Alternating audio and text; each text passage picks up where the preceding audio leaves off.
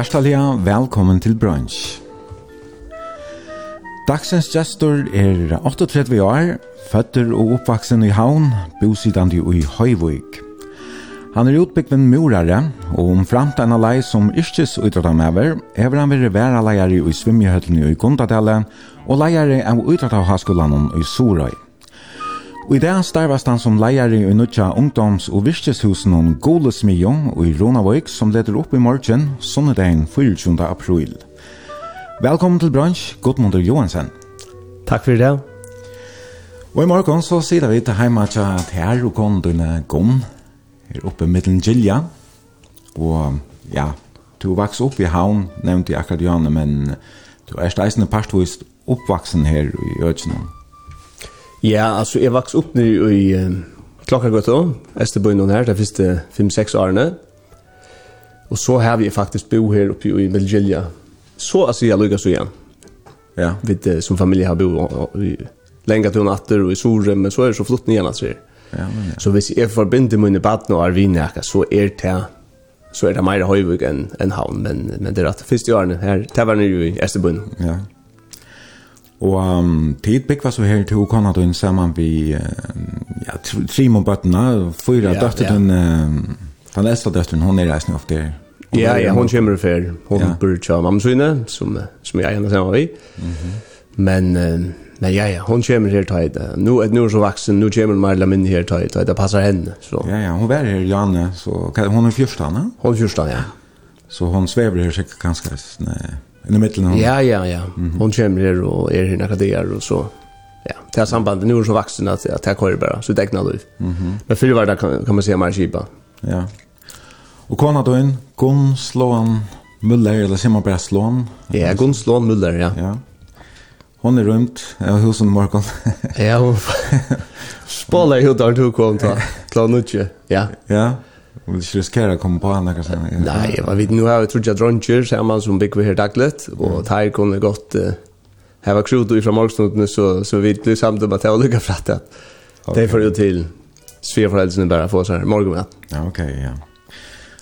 Som du säger tror jag sen det här det 11 8 och 4 ära. Ja. Hur så länge har jag tid för samman tog hon? Tog vi möttes 2008. Mhm. Ja, 2008 og til og i det har vi vært full on, ja. PR kan man säga. Ja. Kanske möttes vi sist i tjej, men, men det han ordentligt fast med locken i 2008 och Ja, vi, hon var kom hem och vänta och i 18 år att jag var lys eh, eller kunde ju skola i Danmark och Natalia Luka kom hem ett år. Okej, okay. vad läser hon? Ja, hon tog, hon tog klattna designer och Becks och sån här Guide den Beck. Jag hade en okay. Beck design eller så där. Ja. Ligger Fredriksberg. Hon att läsa kom hem ett år. Jag ofta argar när vet men men hon kom angående stället. Så hon mötte ju kung prinsen och Men det var nere ta att att löda ska ja alltså två flott i isen nere. Ja. Alltså hon hon hon får lära till till miljögrafikare sen stod och mm. hans skola den blev så nere i Danmark. Mm i, i Tujarskeio, akkurat som han verskar og byggvann, ja, så ble han murar i vanna. Og ta flott til hon som nyer i ett år ta, og ta okay. eisen et, et muntisk ta i døtteren som kjammer, var løytel og bo i Ådans, tog for det faktisk vi. Ok, det her vender vi dagt til ja, ja, ja, ja. settene og i sentingsene. Settene, yes. Men um, Vi får prata om om mengt og kväll og du akkurat blir i Nutjon Starve eller det vil si at du ble sett for noen måneder siden, men Men du er ikke veldig å byrja vel enn, det lette jo opp i morgen, ha? Ja. Måltugga morgen, sammen vi har ment når vi kan bli sett, så... Mm -hmm. Det var spennende, 100%, at uh, det var en nytt kapittel i munnløy i eisene. Ja. ja. At han har var løy, i Sore. Ja, så var det spennende, så ikke om det var lukka litt i Rånavøy. Ja, ja, ja. Det kan det sagt at det ja. ja. Det er et uh, ungdoms- og virkeshus, um, som det er kanskje ikke har haft uh, åren. Nei. Vi har ikke haft det fyrir her i Rønnevøk. Nei, nei, nei. dette er, dette er et ungdoms- og virkeshus, og mentenarhus er eisen nevnt.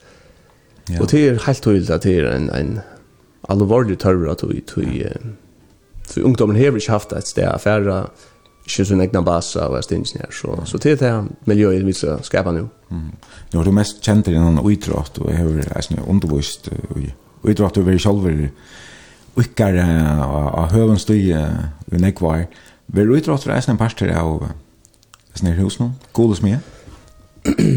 Ja, det er det, altså, det er ikke det som ligger i korsen, men utrådter i det, altså spesifikke utrådter er så vel kjipa, og i i felen og så, så det er ikke grunn til å takke så hårdt inn, men... Men det kreative formen forma kroppen hon det er absolutt spennende å bruke naturen på en roa mat og sånt. Det er sånne elementer som godt kunne komme, komme i ferie, altså, mm. i en sånn hus. Mm. Det var det som vände att till ända för sett ni i sentingsnäv for å prate om mengt og hva du har opplevd. Jeg uppleva Jag syns akvarium, må man säger. Uh, og så får jag sjön det er spørt håndlegg. Jeg har alltid du valgt uh, ja, gå an vel Väl blanda jag nice när här bäi förrest och och utlängst och och ut. Det mesta är ganska äldre tillfär. Har du själv varit lustan att ta håndlag i Jögnlöven? Ja, altså, jeg har jo alltid haft tonelike som öliga tatt han um, parta med Löve och alltid reagerar nog så alltid och på på chancellor på tonelike så så jag har haft det öle tatt att mig Sjalt om jeg ikke pers personlig er en som du uh, hestingen, eller gods ikke har Har så ikke rønt det? Nei, omgang du rønt spalt gitar eller noe sånt. Jag har kanske runt att slå några trummor som som batch mus mye eller för då vi var små Det är karamell blitz nu lodge där. Det det jag hade det mesta som ja, okej. Som jag runt. Men nej.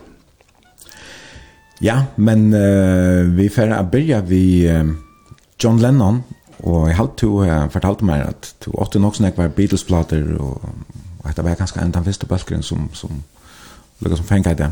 Ja, alltså det är så leis att att um, hade det första som är minst att få ordentligt AHA för tonlights till till Beatles och som ni hade det för mig fatt mig och John Lennon men de det bättre John Lennon parten av, av Beatles. Och i 80 kvar den fem femfjärde plattor eller sjätte flöver eller vad det kallar det som mm. ja men går vi med Niklas så vi bara var pura veckor i Beatles samla på ett här. Ja.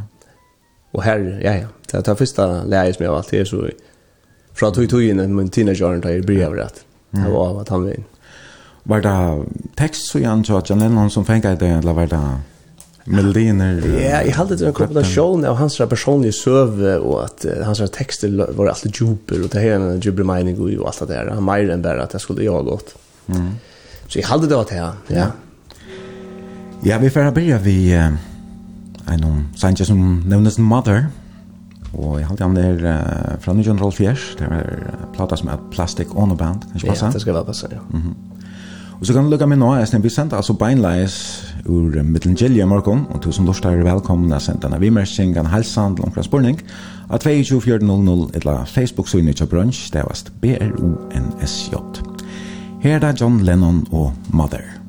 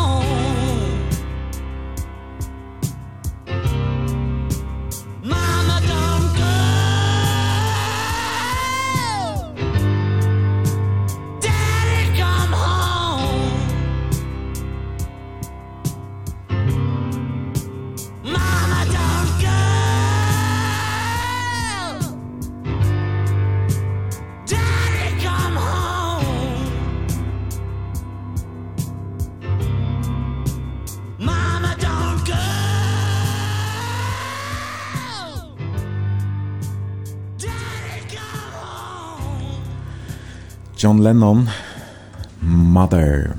Du lustar etter brunch, og det er Gudmundur Johansen, som er Jester i morgen, og som vel Tom Legend. Vi sender beinleis ur uh, Midland Gilja, i Høyvøk. Ja, det var første leie, John Lennon. En fantastisk tonleggere. Det er en... Uh, rettelig ørvise sanker, altså, særlig enten er han sin nesten barnslige skrutsch. Ja, ja, ja.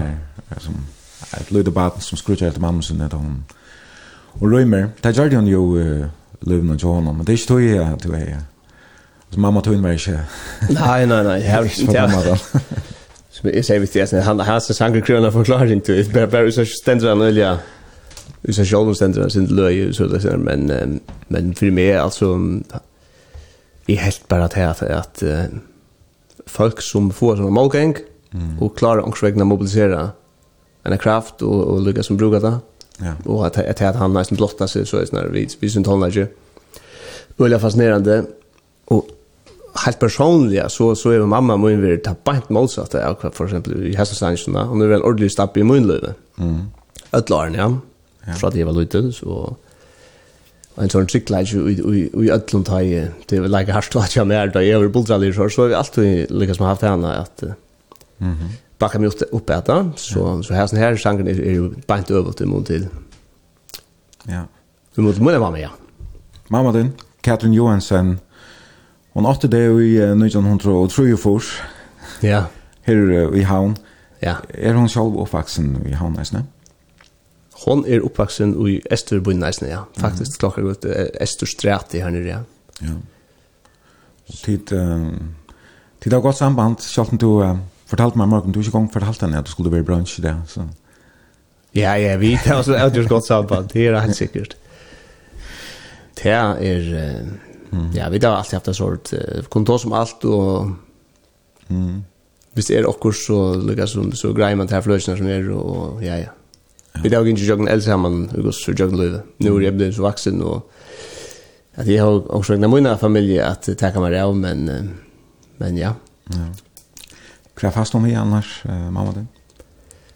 Ja, hva fast hon vi, eller hva fast hon ikke vi. Hon er en... Uh,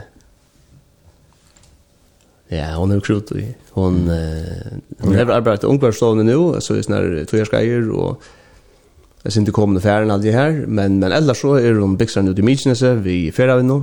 Hon hever til i her, uh, sammen med Svinnen Batjon, som eitur Mykjenestova, og så har det en bygd uh, Mykjenes låner.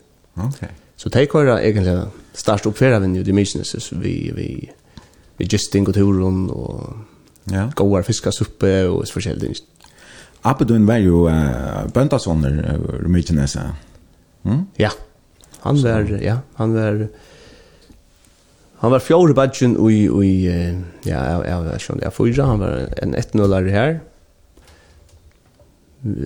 ja, taverande bøndan og, og togalskjæren tantan gæren som hever lampa og alt det her, som turistene gäng ut i Arnholmen ja. mm -hmm. tangären han er sånn annan pappa enn en hinbadjaner, og, og ja kom med sin rattan och okay. Den eldre første bønden her døg jo, og, ja okay. om man blev så gift upp at vi ja så han arbetar ikke gæren? som så nej det gjør han ikke, nei. Gæren får faktisk... Uh, tar badjan och vad det gör och så sylte tar badjan så han gärna får faktiskt eh och pom eh, där första atali här och ny till tar äldste badjan ur tjua. Ja, du äldsta badjan faktiskt. Ja, okay. Så han var där. Sinne ja, honom. Ja. ja. Tog över. Okej. Okay. Ja. Men det som mamma den så här som hon eh arbetar där det så parslar av familjeocknen eller även någon eller från själv köpt hus här ute. Nej, nej, det är så att uh, ett appi arvei i huset tjøst Sune pappa, som var, han var jo bare pappa hans her, og det huset er så steg her og i nekv år, og vi da kunne komme i færre, og det huset er så færre vi er til, til bøttene, altså mamma og badjane, tjø mamma. Og det er så valgt at gjørs det huset om, eller bygda, setta tipp-topp stand og gjørs det til, Ja, til det som er en mætstov i det, eller så, det er det mye så ja Så har det så haft ett. jeg har inte vi, kvar det har vært i øyla, avhalten og og byggt her ute og ja ja jeg blir kalla der for Mykines Risaner til til til det er et knoss a bit juice with the Mykines ja og her ja her er øyelig en ekstøk tidsen altså for med born in altså born in i fjøren vi hånd Ni har med alla trapporna her. Ja, her er godt nok hans var en vakne med. Ja, i prinsipp noen, altså. Ja. Men nu stand det så her, og... Mm -hmm. Här är Guds onkel som har gjort ett kämpe, kämpe arbete. Alltså, jag ja, och vi har allt. Blev vi och blev vi. Ja. Papedun, Finn Olav Gudmundsson, han var Islandare, eller är Islandare, Islandare, ja? Ja, alltså han, han är född i Islandare. Mm. Men mamma var förrisk och pappa var Islandare, ja. Okej. Okay. Han blev så född där och kom så till, eh, alltså till, till, till under tog pappen han sylte, og mamman får til Ushna til Grønlands at, at arbeidet her, tar der rå ut, så hun får arbeid i køkken i Grønlandet. Og hun kom faktisk at til kysto, da jeg han over, jeg vet ikke, han var en, en, en tro i fem år. Ok. Ja. Og, to, og sambandet vi var sin trolle, så, så, så han enda faktisk at bygge vinner tjoa, så innar jeg om, og i Sarvei, og er så vaksen opp i Sarvei. Ok. Ja. Yeah. Men kvart hej var hur gamla var du ta dig för för för kvarnar? Men jeg var seks år hade jag. Ja, okej. Ja. Jag var inte för skola, det var om det om det alltid. Okej. Ja. Du är en äldre batcha is nu. Christian Marsten. Ehm um, så han var att uh, kan det han äldre än 2 fyra? år eller så. Han är faktisk nu for fyra år äldre. Ja, ja okej. Så han var um, var 2 år då. Men ehm um, du grætte mig fra at Abedun, han skal sælge han, og hei da, jeg sjånlig, jeg snakker om uh, Ruth Johansen som var av Hedlund, um, men Abedun, Marsten Johansen var nok røpter, han er nok Soleman, Martin, Elias, Fredrik Johansen. Ja, det passer. Det er nesten rojalt navn. Eh, som altså var bönta sån Rumichenes. Han har stora til han, som bad. Ja, för sure han ikke. Altså, han han var en sån person som hever, hever um, fyrir med uh, brukt en sånn gåa gåa metode vi at gjør John er all lit og alt her og jeg føler jeg synes han har lært med så att säga alltså allt utan näkran tog jag skulle lägga som att nu ska jag lära det mm -hmm. och komma vid pagefingern så vis. Han är bara väldigt en, en fantastisk trycker stabb i min liv som uh, man alltid vet hur man har haft han. Ja. Så har han haft ett väldigt orre till att greja det som en av er lusens vi skiften alltså det är ju rätt vi tar det gemme till jag bygger hus och sådana ting så så ens uppgave hur vi förstår nej för handel alltså va så så han er veldig en ordentlig fyrir mynd, alla min jobb altså. han lærte det nok nog at, att karabil med landa det er Louis nok så vel, han så det lyser väl hans här huxnar åt ja vi bil alltså är var ju kvart en 15 16 år så har jag lärt mig att köra bil. Mhm. Mm och och han han visste det då det var bil så han lät mig ha bilen. Det var så suke sort. Pickade bil vi flätar det en sån liten jeeper.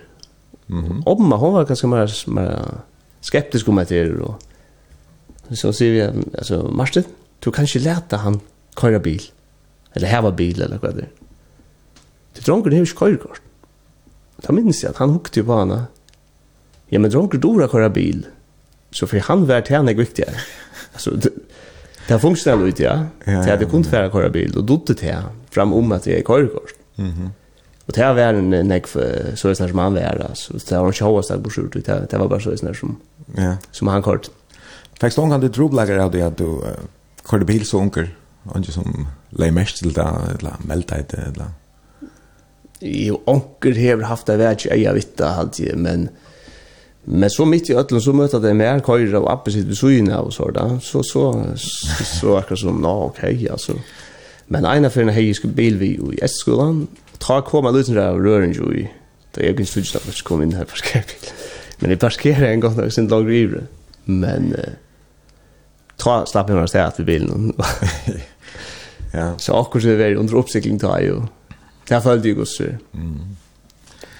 Ja, jag är som en, en, en god rappe, alltså en, en fruskt typ av appedun. Han har ja, nästan upplevt sin trakvarion själv. Ja. ja, han är en så öliga spännande söv. Alltså. Det, och det som var så öliga fascinerande vi honom till det att han har en söv som han kunde egentligen sitta i en hjörn och fortalt och fortalt och fortalt. dem. fortalt man fick mm. alltså han är inte kunnat funna på att affärer sätta sig ner och rejpa om sitt liv och allt som han har gjort så. Så han var det var en en en han kvulte bara ut i sig själv och tog som han är uh, gjort och vär och allt det där och vär bara här för familjen. Här var inte Nej. Ja. Han får um, som onkel och där segla var borster i 13 år. Hur ska man var han då förresten? Alltså han får äh, som um, 20 år hade och kom åter ta i han var 33. Han var vecka 13 år det vet jag. Och sen har jag över hem och och vitcha alltså. Ja. Alltså hon hade ju för ju men han minns sig ja i Florida hade ju. Vi hade ofta längtat ett annat läge få om mig ur till till Florida visst men det det vill ju Jonas ut. Jag skulle vara här.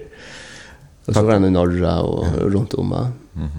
Men men är att som är så också så stark vi vi hans där lei alltså han var folk har fundet så Fidel Castro ta ta han tog över och tog faktiskt i handen så ta mhm mm så han har vært absolutt uh, bare förviden og vi om ja Ja, men så enda vi etter färjan og møtt så om dina ta att han välkomna hjemme efter. Ja. ja. Og då jeg jag får henne så flytta i til Florida. Nei, det er veldig ikke kört altså. Man rör det, men jo, altså, jeg hade han han var en altså, ja. det. Ja. Og han er nok en utlångs uh, ta i han ta i han unger, onkel då. Men han var samstånds en en ja ja, en sikker personer, og ta i det Det hilder faktisk av det er som flere omarbeid i sjåmannsheim nå. Og hans mæren kommer ut i vore ver, og han tjekker under, tror jeg. Det, altså, det hilder som mæren var helt, altså, bimmelim, ta at vi at, det var som å genge holde nærkjent, og så, så.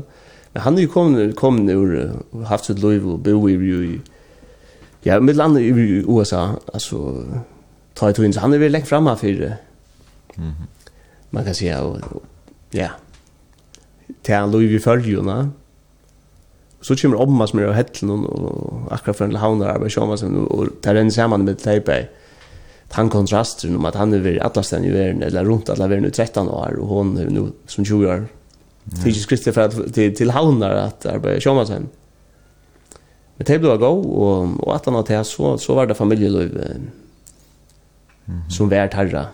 Tarra liv och det hade jag familjen jag kan nicka ja till att att Schalt man har arbetat nek och fiska och allt det forskjellige, så, så är det familjen som är värre primus för dig och ta för det og ja. Mm. Ja, hon var av hettlene som du sier, Og tid har heisne Jørgen Løyve, altså nu, da jeg arbeidde for hver tre minutter, så igjen. Ja, det tveis nu igjen. Ja. Metter av døven, sier du.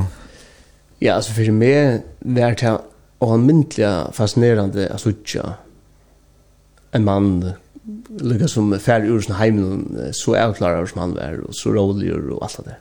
Ja. Og til lust, det er det er, jeg kunne få i tarje inn og tåsmann, så, men, men, Det er lust er hans liv og til som han står for.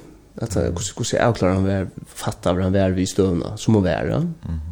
Så det det sett seg. Det er mest enn jeg, så så til. Ja.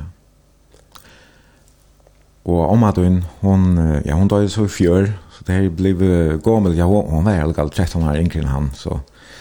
Men, men det at jeg var fra Hedlund, hun, og han og Mykines, det var så kjørst en tid som, uh, Bøten og eisen tjøkken løyvi har færa snakk til hettene her hon så hei sommerhus eisene, som hon arbeider. Ja. den i hus. Ja, altså omma, hon, hon, hon ble visst nok født av hettene og vaks opp her det første årene. Og, ja. Men, men slutt så til Fuglafjær, her, her ville hon ikke ordelig Alltså som är av gått så skilt så så fatt hon ångade ordla till till fullfärd löve och sökte allt i att till hettlar.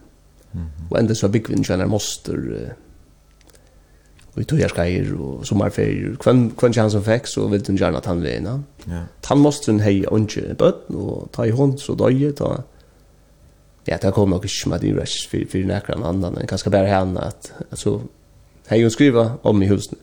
mm -hmm. som hun så hei vært sånn jeg i eisen selv. Ja.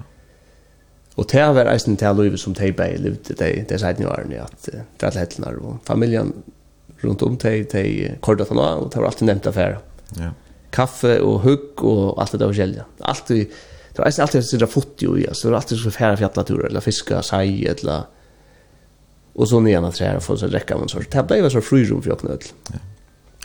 Så det kanske här ah hon chat här för utelöve och så här det rå naturen det det stäva ganska sen härifrån.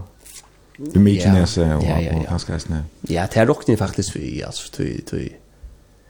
Abbi har bort och det var en pastor som det var alltså Appen min hei eisen så luiv som var spennande for en drong. Mm. Og tog var man bare via basun.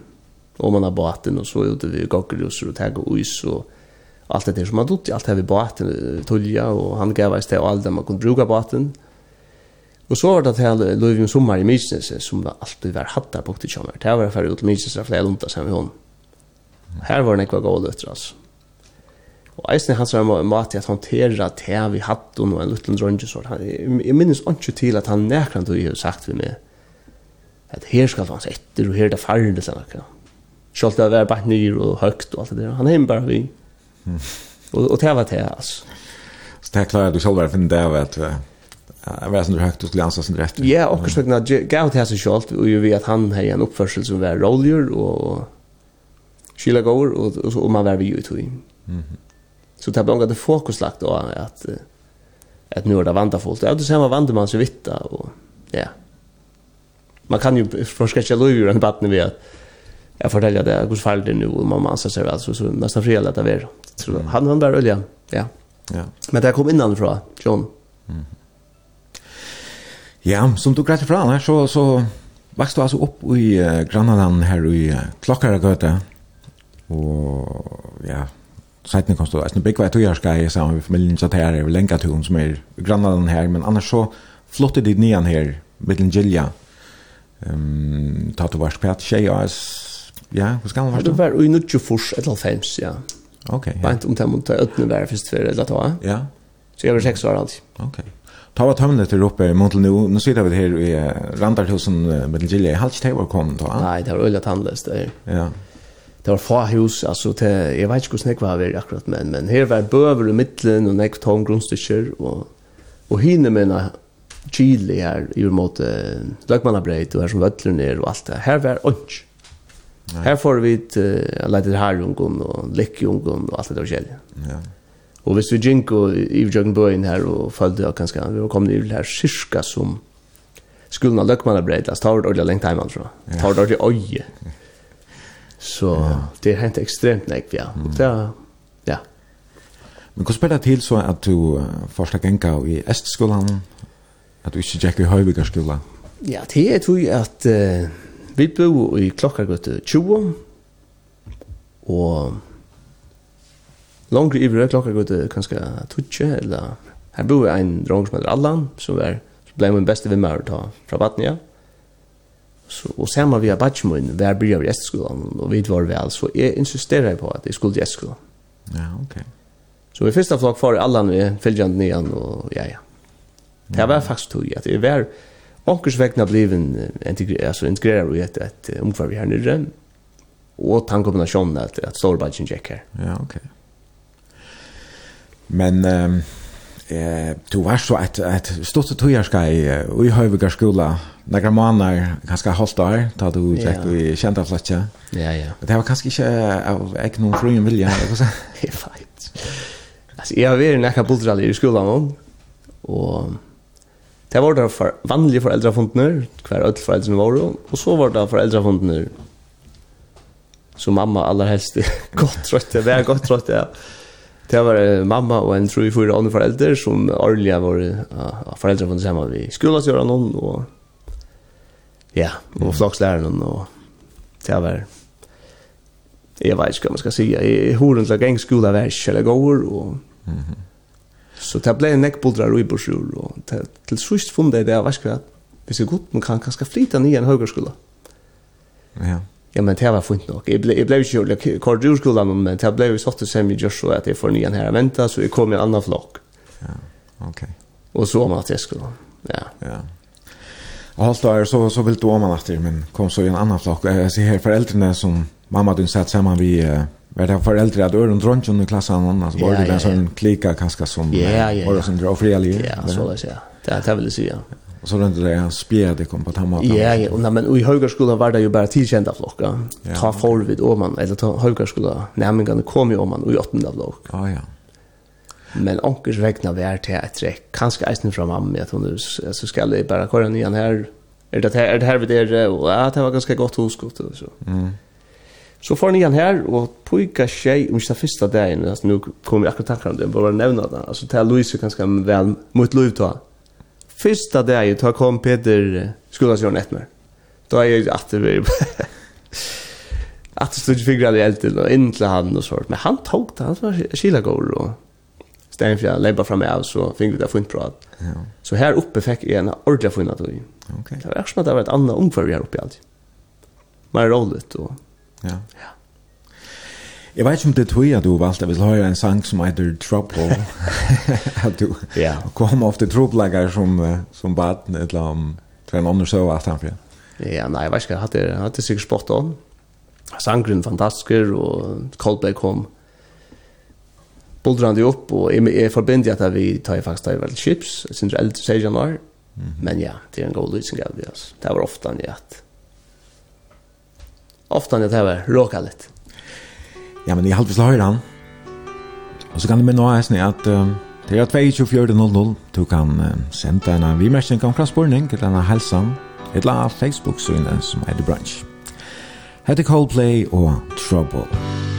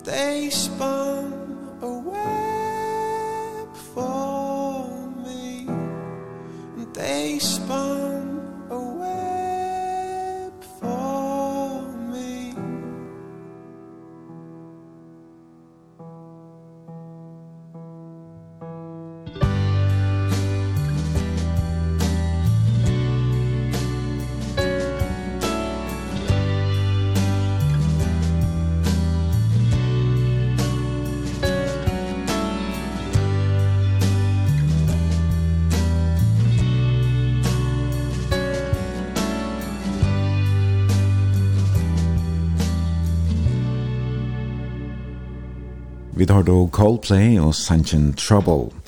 Og det er Godmundur Johansen som er Jester Brunch i morgen, og vi sender beinleis ur Høyvøk.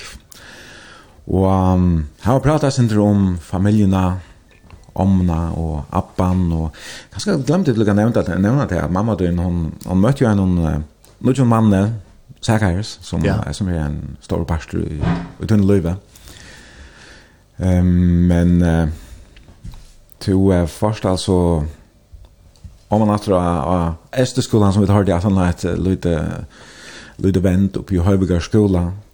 Ett annat som uh, fyllte nek vid lumen så det långt fra badensbeinet til å være svimming.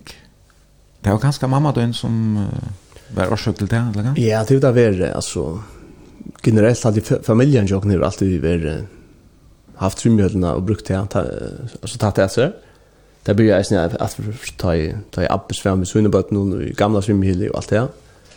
Men det ble så ångsvegna kipa, altså familien ble at, at vennja svimming. Det, det kom fra mamma og Benjamin, Christian Marsten, det ble han som, ja, som gjør den ekvitt det, og her hekk jeg opp joi, og han var jo den store firmenden. Mm -hmm. Og sikkert har vi eisen haft, uh, og, altså ångsvegna ut av Fadmerlatt, og finnes det under hona tulja, tog Jeg sværm faktisk min første FM-kapping. Holdt trus meter bringsviming. Da jeg var fem år gammel. Ok. Ja. Og jeg ble ikke diskavl. Det var et godkjent at jeg sværm iver og atter. Ja. Ja. Var det henne som du så låtog og i regliga så det fylgjande i årene? Ja, altså som jeg tar ta bryr jeg venja svimjeng. Og jeg minnes det at, at jeg var så trøst av svimjeng bølg 8 Så det heter sett upp i Argentina. Jag svär med bara att det ju en en fem år allt. Du var så ung i början. Och Arne så slapp upp i bara två och drog ju och kunde fyllas vid min jämna ålder. Men svimming var var 100% öliga djupt i okra livet. Mamma var ju en folkvinna och han har svimmifylla och Mån ikke være. Jeg har alltid eisen blei sett i folkvinna og i svimmi samband før. Og Gustav nevnte den her, ja. Mm -hmm. Och Sean Martin gjorde ju extremt negvita. Personligen hade jag att han var vittla sedan och gör standarder för alltså för vänjning och annat här i varje. Sen har vi några öron som gärna i hans organge, men, men så, ja. Tar saman på och rönt jag Henke i revning jag och tar, ja. Sean Martin var stor, men absolut stora firmen tar ju vär. Tar jag batten nu det är en sån det är snö. Mm -hmm. Matar in. Mm Og her var det og vant og vant og vant og ja. Är det alltså nu har du ikke extremt nekvar imenskar imskar greiner. Er svimming kanskje høys ut greiner, eller eller så føler du selv? Ja ja, det det är alltid alltså. Och man blir inte då som heter gammal svimjare. Det kan man kanske säga det är men men min tog var fra att jeg var fem år, eller var 15. Så stedet for jeg kanskje blev upp kom upp och ble en habiler vuxen som jag ja så får jag göra annan idrott att det är väl faktiskt bara gott trött tror jag alltså. Okej, men det var ju en parsläs när jag tog en triathlon. Ja, ja, ja. Hundra alltså det här fundament ju under att det kunde komma här till och i triathlon. Ja, ja, ja. Kvar att det kom till här Christian Martin och så rotcha till bäst i urslitna. Stekrat alltså innan försvimjning så är det outgjort han alltså han lägger bättre än Okej. Okay. Men hur man efter ganska kvar kvar kvar bättre tar man var åtta år tar man så har ju kanske haft månen ta. Men han har ju bara en bättre vänningar mentalitet än än jag okay. hade alltså det är ett hund det sådär. Jag vill hellre inte det minst mycket där. Mamma pläderade inte det över hemma till lukka som skulle kusha mig om han eller så. Nu, nu är det så vänjinga. Jag vill hitta det här A-team. Nej. Det säger. Okej så får det. Så men men jo jo jag vill raskare vant men jag tror inte hon kan sälja väl. Du du har ju ens haft Christian Martin som vänjer. Ja. Han har han har jag vet man hej långt och ha för för jag vänjer långt ta men han har väl svimmer vänjer på ta och det samma för breka det som heter parallell parasport det där. Ja ja. Han har svimmer för där ja. Jag vet man är väl om han var i eisen i Kjallandslinjen, Ørenlandslinjen. Alltså vi vi ändå alltså han han var angående vänner i med så att säga. Och är gavst och han sa han var just stadigt aktiv där är gavst då. Ehm men han er vänner i som landslinjen där. Ja. Og, og det är väl det att han har så han har så og ja Paralympics som du sier. Og hevet hävde han tamparsen av sig än ja. Det er likevel for John. Men han er så väl personlig vän jag tjatar der satt ni löven. Åh ja ja ja. Men så ikke bare bara en för swimming kan. Nei, nei, det passar. Innanför triathlon. her var han vän jag känner. Ja ja. Det passer, og det det var et godt match altså, hikker man i backspegle triathlon var man kan säga nytt för ju men hikker man i backspegle hade vi kanske Josh någonting överse. Mm. Men jeg hadde det var godt at han var vän jag känner tog han kjenner meg så vel. Han var ikke så Så det ble ankersvegna mobilisera i krafterna. Ja. Det er som jeg kanskje ikke tungt vel, det er ikke minst, det er fikk jeg ordentlig ut Seattle. Men at det ikke om uh, hver annan annars, altså han er uh, utlærd i Timpermauer, to og mor her, det er uh, alltså två faköker som uh, blir arbeidet vel sammen. samman. Man skal bygge ja. opp større enn i hus till dem så. Nei, jeg råkner vi hvis du er spørst andre folk mm. än och om vi lojast så där så så räknar vi det er som i det, som det er något. Mm. Men ja, vi nei, vi det er rätt i mycket. Men Er, är han mer rolig, och tog ganska mer bollroligare eller hva? Jag kan lyse at det kanske på hända maten att att eh, hvis vi delar en familjefest så är det pura avgreit, Utan att lägga vi pyssar ta som det. Kvar ska hålla rövna. Mhm. Mm det är det som gjør det.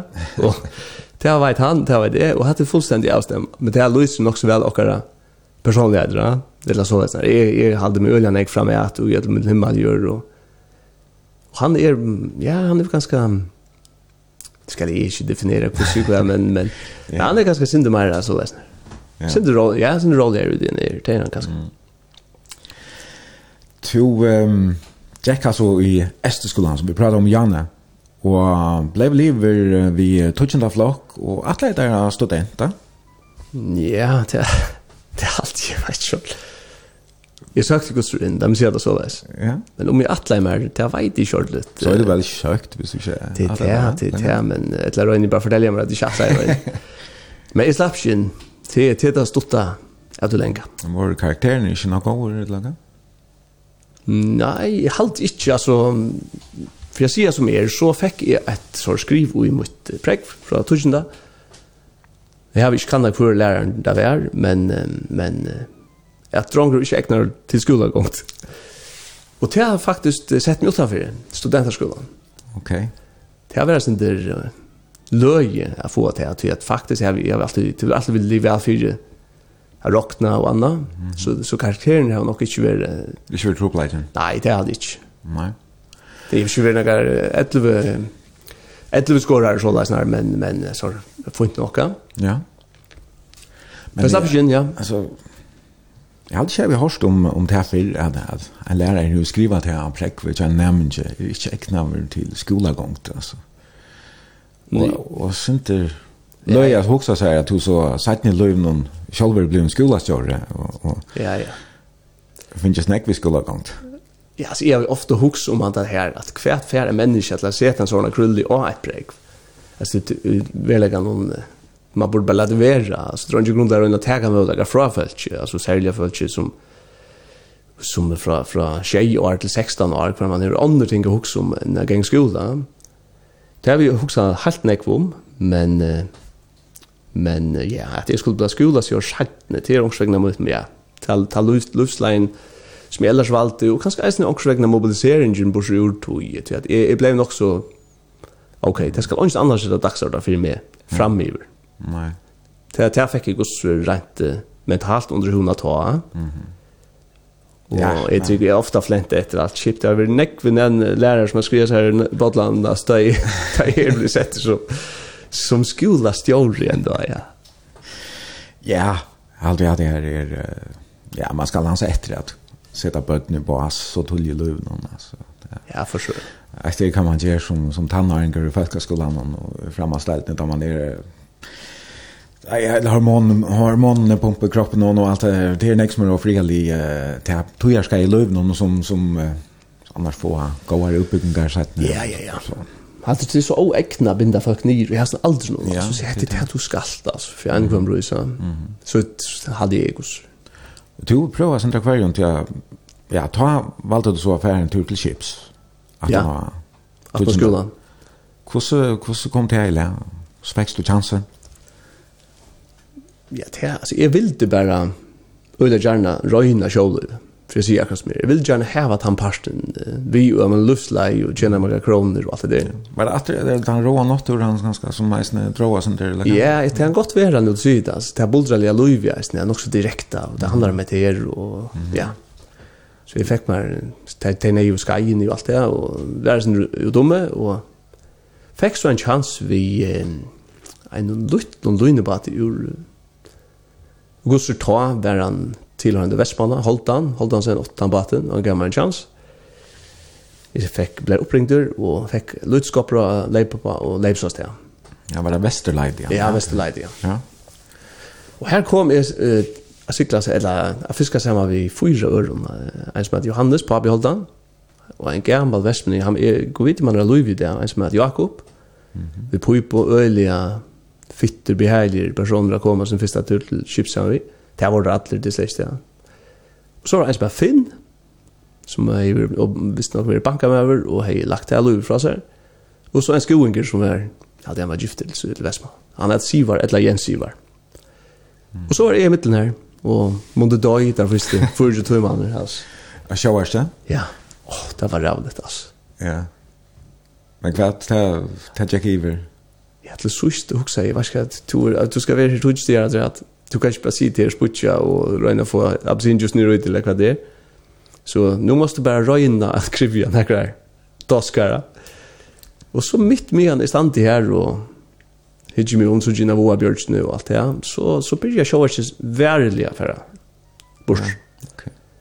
Og til sust så var det vekk og jeg bänk under borg, alltså jag vet inte vad jag så jag tar. Okej. Okay. Ja. Men kvart du uh, vars blir några månader, ja? Så fikk du uh, nødjan chans vi gjør en bate? Ja. Altså, til, til å være... akkurat til å være ulle harslu, vi var så feir, og vi skulle, for eksempel, skulle skiftes om å gjøre sundagsdøra, og... Ok, jeg var ikke kokker dit. Nei, nei, nei, til, til å arbeide i 18 timer och kvölde sex ja. Og ta, ta fikk jeg eisen i munna, munna sæk fyrir, så skulle jeg sås, munna tur, så gjør sås. I stedet för att spyrja, så hade Louise lyst resten med nok så vel. I stedet spyrja, ja, men så prövar jag så. Och jag minns det kvar mjöl och vatten, och kulör. og rrrr. Ta minns jeg snir skoingren, Alltså han hukte på han. Sånn det har vært eisen så viktig der for jokken, Ja. Det var hattar punkt. Och du fleskast da, ikke lort, eller? Han bæm vær utskland jag han Ja, altså. Ja, han smakka nekvom. Ja. Nej, gack veck. Det var det var opopulärt en lot, men men nej, det var fitter att gå med. Ja. Men det får så vi Thomas Nygaard, ja, som var en en god batter då och jag fick en chans vi hade. Jag fick bara en alldeles tur vi tog det. Okej. Okay. Och det förjum. Mhm. Mm Ta för ja. ta slapp jag mest jag bodde lite väver ordligt för man kan säga för första för. Han bara så var större och vi får inte in för dem där. Nej, jag känner kroka och så. Nej, inte går sist då, men sist förut nog in och tui tui, ja. Okej. Men jag kan attla att det var go för tjänst att tjäna om 16 år gammal drömt jag att. Ja. Det cyklat va? Ja.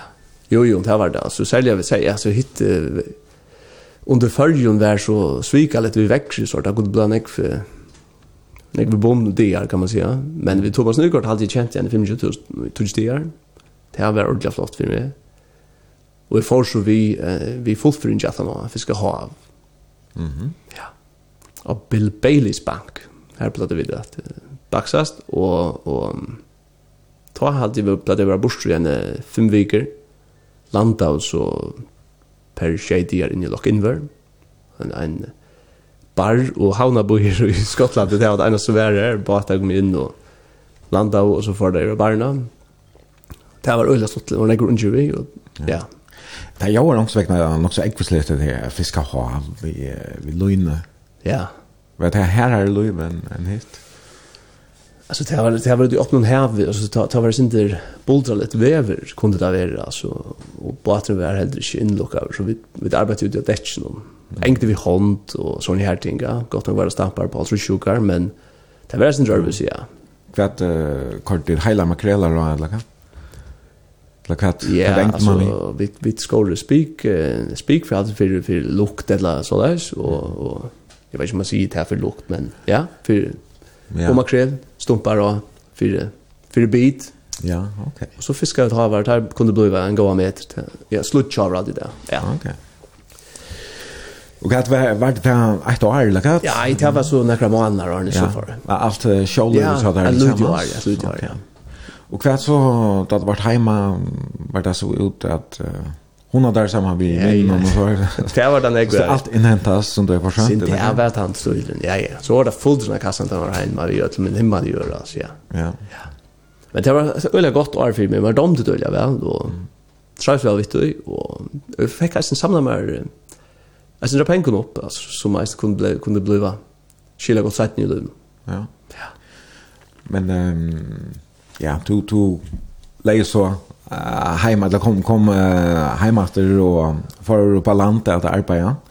Uh, mener jeg to, uh, to fortsatt gjør at han også ekkelt arbeida med å bore grunnstikker Ja. För Hans Willem Lutzen. Ja. ja, ja, jag jag får arbeta ju honom. Jag får faktiskt räkna kapp och jag vill inte ens gärna ta en parten runt. Var det var det här som gjorde det att du kan över hemma? Okay. Ja, jag tog med att ta in bara ett år på sjur för är runda shoulder hvis man kan säga så läs. Mhm. Och vi hade ju avtalat vi skulle vara räkva seriöst vi. Så vill någon och ta blev det så naturligt att spela om man skulle få arbeta så alltså. Timon som var inkarnerad i Havnar Rorafell. Havna Rorafell var det där. Ja, ja han mentanen her. Så jeg, stod, jeg stod så bare i noen grunnstykker vi, vi hånd, ja.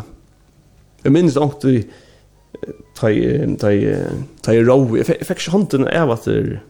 Arne? Alltså ja. Ja, sen blev de var det. Jag tror att jag har krampar och jag tror jag står på att han där inne och is och helt fast ut i. Ja, nämligen ja. Alla listing kan som bara upp där. Ja, ja, ja. Det är skott för det. För musklerna. Nej, det är inte. Nej. Men det var så att jag ska ju ja. Ja, og kapplegging, det var, det var legva kapp, det var, det var fyllt nek, i nøkker år, fem år, seks år. Ja, altså, jeg byrja i 2008 vi Sylen, og så hekk jeg i kapplegging til 2006.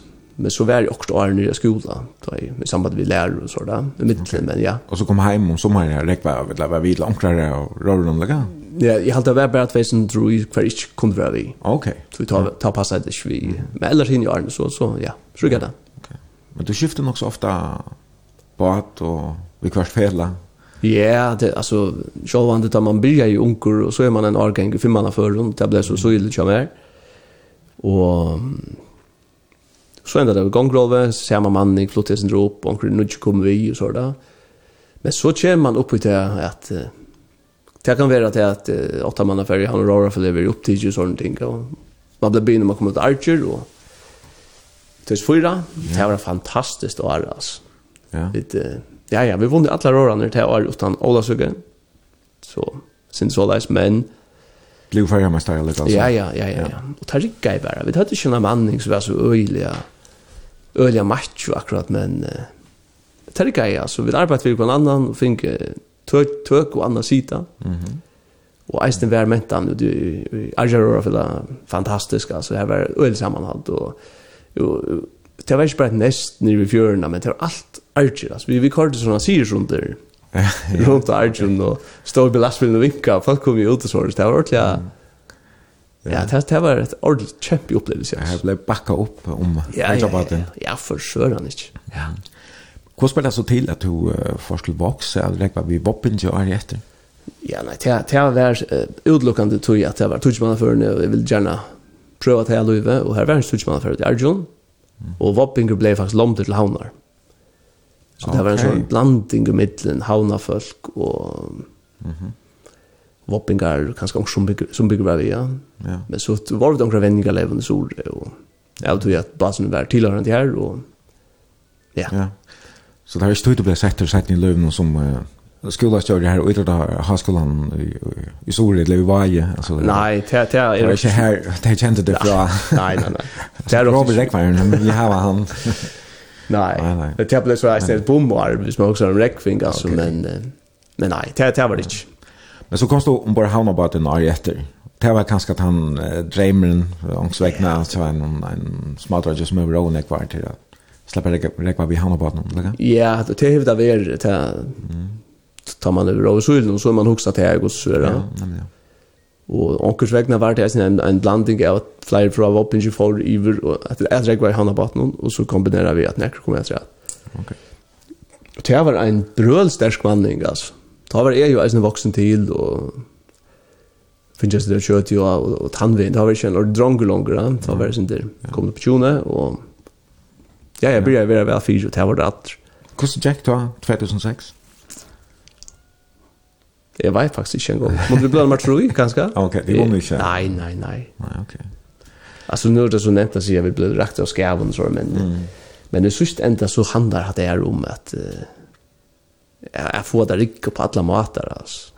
Ja. Men onkran, jag har ju onkran, jag sa en skriva i Johan, nu måste jag vara lorsta big för sidan i Danmark. Okej. Okay. Men det fick jag öliga gott förhåll han och vi bytte bit hade och mätade gå vänningar mentan in mm. alltså regmaskin och så där. Ja. Men det så där står monor att hu i parten och det går köta maskin och allt och till så sätta sig i. Ja. Och rekvendan här på atten fram efter så det två. Ja, akkurat rekven är det sån där bussen är här och det där alltså du du rörlig att haft Man du rörlig att haft samman och man är lika som alla parter av en motor och man ska allt ska köra synk alltså för att för det lika och alla geva allt. Ja, ja, det connectar här och tar av ös henne så öjlan också spelar in alltså. Hur rör man båten och allt det där. Ja. ja. Men det är stort lite en öjla sterske fällskap alltså. Mm. Samstundes är en travar var en har primitiv rent uidrattelig, jeg husker om det. Mm. Fulldrag kan så 1 januari. Ola söker och så inte ett halvt år. Men det är så ganska blod där som förnäck alltså någon några er, alltså så det är som du sier, det er fair vi näck varje tog och man lägger ölen i kvar skuta. Ja. ja. Var det det som gjorde att du stäcker jag att Ja, det är säkert samma vi arbetar runt omkring så där. Ja, det det är alltid. Och uppmuntrar jag halvvis för att spela en sangaträtt. Mm. Och Eh, den nästa som ligger här klarar till er uh, Rocket Brothers vid Kashmir. Ja. Du har säkert haft nekvar Rocket Brothers. Ja, ja, ja. Alltså. ja. Bei Christian Marsten og så är sen kanske där Rosa och vi og... Ja, ja, det var så raketstol driv det där hade turskar så. Ja. Og ja, jeg jag leisen bare pladask for Kashmir og och till rest fyllt med. det. Jeg er ikke en person som minnes, hvis jeg hører en gång sång så är ikke en sånn som kan minnas en en rikva sang, men men hatt det sånne, sånne bands som som sitter. Ja. Orja for en grej. Ja. Du er ikke veldig konsert vid Kashmir eller går? Nei, bare her da, og i sanden og i Gött då? Ah, ja. Ja, ja, man bryr sig alltid för så. Nej, nej, nämligen. Ja. Här har du spalt, det var fantastiskt alltså. Ja, danska bösker. Ja. Kashmir. Ja, men uh, vi slår höra sanchen här och vi får få åkne en... Uh, Gå en kopp kaffe med Jan. Yes, kom. Vi har en läckra barista sake kaffemaskine som lærer man också nägg, men han har också längre sanken här så vi har vi får stånd til å gjøre en, uh, en kopp nu. Det är nu. Fint.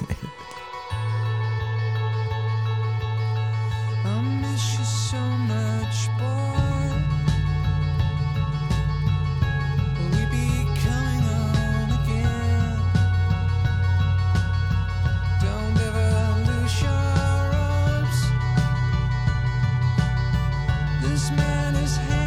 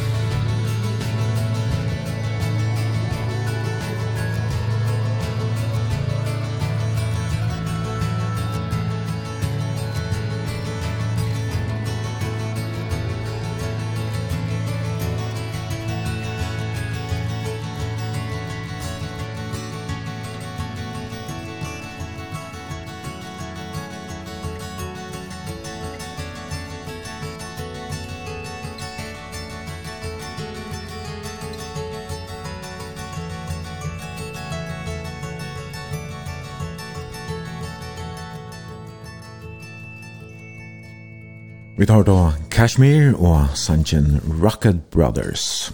Og det er Gudmundur Johansen som er gestor i bransje i morgen, og vi sender beinleis her ur middelen Gilja i Høyvøyk. Og Marosa, altså, kaffen om du gjerst, det er alvorlig godt kaffe. Det er sånn, sånn, barista-maskina Er du sånn kaffeentusiast, eller hva? Ja, ja, det ble man ta samband med idrotten så da, Ta jeg tar ofte denne, Løyve Ja. nok så monotont, og vending og vending og vending, og vendingar lever i Heide London, og her som kaffe var godt. Ja, og alkoholfrukt er sånn sikkert. Ja, ja, ja, Så det. Som livet sånt. Ja, du vet, ja. På tannveina, og ta, ta, fikk jeg kaffe, inn under hona kommer. Ja. Samme vi Gunnar Dahl Olsen, vi tar ofte, du ikke goa kaffe, og her var eisen tann, prioriteten samman alltså. Ja ja, man man, man gjør det akkurat godt, ja, ja. så. Vad så kaffemaskinen fick jag jolla gå från Konnejam. Mhm. Så går vi runt med. Ja. En saga, saga. alltså skulle vara. Det går smakar otroligt väl så. Ja, det är genialt. Larma bara när jag en knus knusbönnar så det är gott att sansen är lunch. Du går på du behöver finnas vi näckvan utdrast. Mm. Och du har sen spelat handboll då? Jeg blir ærger bare med vi at jeg er den første professionelle håndballsmalmeren for rockning vi. Så jeg ble kjøpt ur ha en av fjørs i ur næsta for at arbeidet kjøpes min. Nu har vi slett ikke tås om luktarbeideren kjøttere. Han kommer sin til seitene. Ja. Men... Uh, ja, ja, han er kjønn, det blir håndballsmalmeren, han er malen her. Kjønn, kjønn, kjønn, Pauli, ja. Ja, ja vi dyr håndballsmalmeren. Hvordan er Ingrid han enn en to? Han er født i 2002. Mm. Ja. Så det var det Ja, vad är det? Nu januari mitten. Nu januari, nu januari mitten. Nu januari Ja. Han är nu januari 8, det passar ja. Mm. Han är ju professionell, han är inte gång till Färjön lötn, ja. Jo, han är i Färjön till Julemann, så från till Fraklands. Okej. Okay. Ja. Han är simpelthen chapter. Ja, rockning bara vi, ja. Ja. Wow så han där har en av fjärsan spalt vi ja vad han är visst nu vänta han är först i Skanderborg och men men faktiskt ända en allvarlig skya sleit i bein och sleit också bein okay. kom tog hem att det faktiskt mm -hmm. kyl då, eller så ja okej okay. det ser ut att ha varit näst väl och ja nu är han så blivit Jag vet inte hur jag fyra gånger chapter eller kväll, men han har gått att skriva så att man har vid Kjörburg nere i Frägland. Ja. Så det här var spännande. Så um, du tänkte gärna för dig att det här var Inspirerar han ett Ja, han var nog lagt fötter där du där du spelade ganska. Nej, det var inte. Nej, sannheten av det hela är att att är är att han har minst av allt det alltså eller om det här muntet har er vi att geva så vi minst så prövar jag andra och så har vi med hög som vi mannen nu gamla högsne han Jack och espern och allt det här som jag snä kommer jag samma vi tar Tarvor går ju går handbollslägare och är kvar som spelar vi Highlandfjärs och nytta bransje. Så jeg tog for i mal. Her har vi åbert nytta. Ok. ja.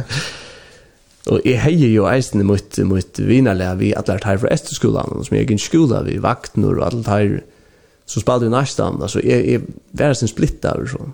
Tar har mangla en malmann, og jeg var faktisk ikke inkarnera av rum der og heina fjerslag, jeg, jeg heier ikke hans forholdene, så jeg.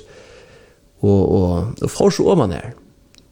Og jeg minnes at jeg fikk bjør, jeg skulle få bjør arbeid skipasmin att vi vi ända så arbetar skipasmin. Kvar kvar vad här som bjöd där.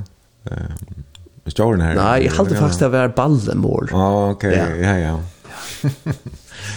Ja, ja. Men lukka mig, jeg var så professionell at ta i det ikke var nok å gjøre kjøpesminne.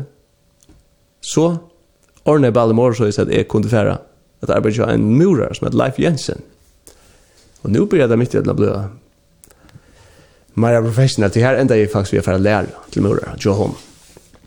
Det var en danskare som en danskare som var kommit upp här då i, i Forsnån att göra stora arbete till kuster och blev hängad i förrjum och ända så vi har arbeta i Kjolstöv. Mm -hmm. Och här får det lära i 2002. Ja. Okej. Okay. Och ja, du, du, uh, du blev så livet men, men det var här. Jag det er løgn lærer du i satt der, ja? Det var rågalt. Det var rågalt kjørt. Vi snakket det. Mm. Ja, Leif er her, og han har sikkert haft noen ting som han... Ja, har... Kanskje størst vidt, jeg vet ikke, altså, men, men, men det enda vi at uh, han var god med, og jeg lærte ikke honom.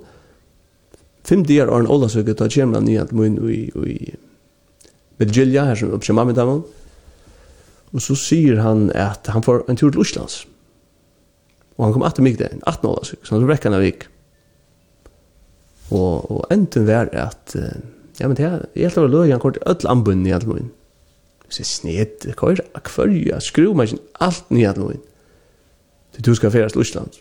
Og han gav meg reisen i Åkst Ålders, han gav Ålders galt, så han, och kräva flaske och krusle och gamla sin jobb. Jag hade bestämt han ska ha krapa pengar i hunden och säger du måste försöka där. Och bonus. ja, jag vet inte men men men och jag läser stövna som han är väldigt god med William mer väl, men han vill ju klara och försöka sagt där korsne bor och jag vill aldrig säga han att så ja. Nej. Det han har ganska fällt en apel som lärmästare och inte tårar sagt vet det att du vet Låt säga att det är inne med du tror också att nu är här Reik liksom. Ja, det Tatins ja. Ja, han har gått William är väl 100%. Tog tog kordian allt ner till mig och Och Och han går på chatter och är på skriva en stappig kärn han där där. Jag har aldrig sett han. Jag har gått också med hals på han. Ja. Jag vet att han är löv och allt det. Nu är Danmark gångställen. Men jag ändå jag tar hugg till eisen på min sjön alltså spegeln och ska nu Nei, nå må jeg bare røyne køyre til løpjer. Så jeg enda er faktisk ved køyre han. Såle løp sammen vi, en gammel mann i Morskanese, som er Harry, som ikke er køyrekort, det var ganske fordel til meg ikke ellers. Vi har unga rolle haft i ødelen, så jeg enda er faktisk ved køyre. Okay. Fyrdukna tjua, live. Vi vågner jo med at han kom atter. Mm. Og jeg snir, jeg med havren, han arbeider tjua live, jeg snir Arjen, eller? Han arbeider jo Arjen, ja. Mm -hmm. Han var även av och allt alt han, han lever så aldri inte langer, men... Uh, Men så vi kallar det her, og folk ringde till mig och jag säger men nu är stövan hetta, och så må vi avgrede det, beinleis och allt det här. Så onkers vekkene följde jag att jag blev rent mentalt utlärd. Och i tog tog jag ska. Du tar tag i arbetet något som släcker ikke var kompetent til å ta arbetet. Jag kan man säga rent faglig. Så då det var oppgaver, så träckte jag på Harry, och prövade han fram, och jag lever bare ut av faktisk. Ja. Och jag minns en med faktiskt. det är nog stort, så hadde jeg selv han ringte til morgen, jeg var så mye unger at, at ja, um, om jeg kunne gjøre bævelse, jeg dotte faktisk ikke gjøre bævelse, at det som han ville gjøre. Jeg tog så bævelse av meg, og fann det, ok, jeg tog arbeid med det, så jeg kort i harri nye av å gjøre bævelse. Det jeg visste jeg langt at jeg Harry som hade gjort bævelse, så, så Harry var glad, jag var glad som jag var rest glad. så ja. ja. Men man skal vel uh, ha sin skolegångt och klart at man, at man er lärare. ja? Ja, ja. Man har en lärarmästare som eisen skriver under på mig på hur så. Tog in innan time jag i tog ju är är världen bra grejer över att life for alles is jag kommer åter och ta ta sig så vi Bridge Cross Day och Bjarne kuster, vi ända faktiskt vi är färre lärare så. Där blir jag med bara fortsätta. Och ända faktiskt kuster. Det Där så utlärare.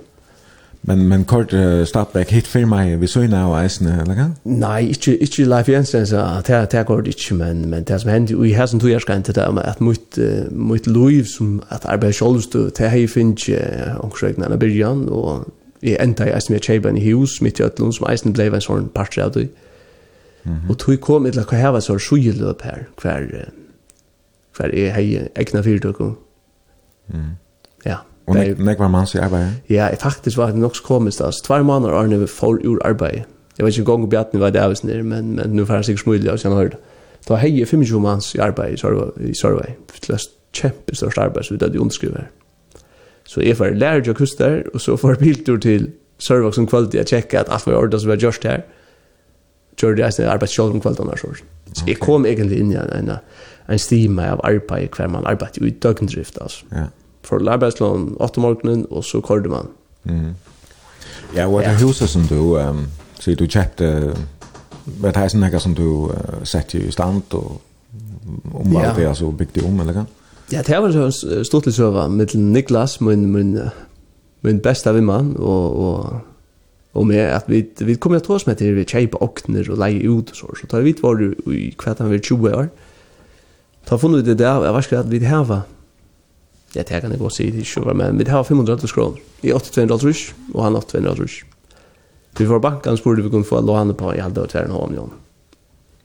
Og minns ikke så åsikker i år, alltså vi tog nästan inte gikk Björn en trappen her, som hver skulle fære, så. Men, men vi fick ju så tommelen upp. Og så jeg kører rundt i havn og leide, hver hus er det nå, og så gjør research arbeid. Og enden er at vi blir spåret og kom fram til at et hus på en bant av Vestskolen, John Galgode, vi seks ubundet verden, hei vel søle. Så vi ringte en av mannen opp. Han kom at han er stronten halt til havner og viser opp ned hus. Og i tunnen så ser jeg funnet. Tvær kom, jeg minns ikke hva, tvær kom han film eller hva det var. Han hukte på det så. Du vet, jeg vil sikkert være lutt litt drønge i hans øyne. Hadde noen penger. Alt klart, om alt bjørn heien. Så at han handlet avskriver, eller underskriver. Så det ble ordna Här utanför Youtube någon lägga? Ja, ja, utanför här. Mm. Det enda så vi har vet ja, här, här hände nej, Det blir sort sort eh uiboar att vet, uiboar tror att folk hade bruk för uibo. Lägga det ut. Ja, vi lägger ut först, ja. Mhm. Mm Fest och så. Ja, så hon skulle ha ett det är att uppsäga tog och hon skulle göra husen i tipptopp stand och det skulle säljas. Mm. Tror jag inte det så ja. Tror jag man har uppsökt. Ja. Och vi var så primitiva tror jag alltså vi vi det hade ju vid auto då. Men tror jag tror jag man har erfarenhet ta tag vid tag.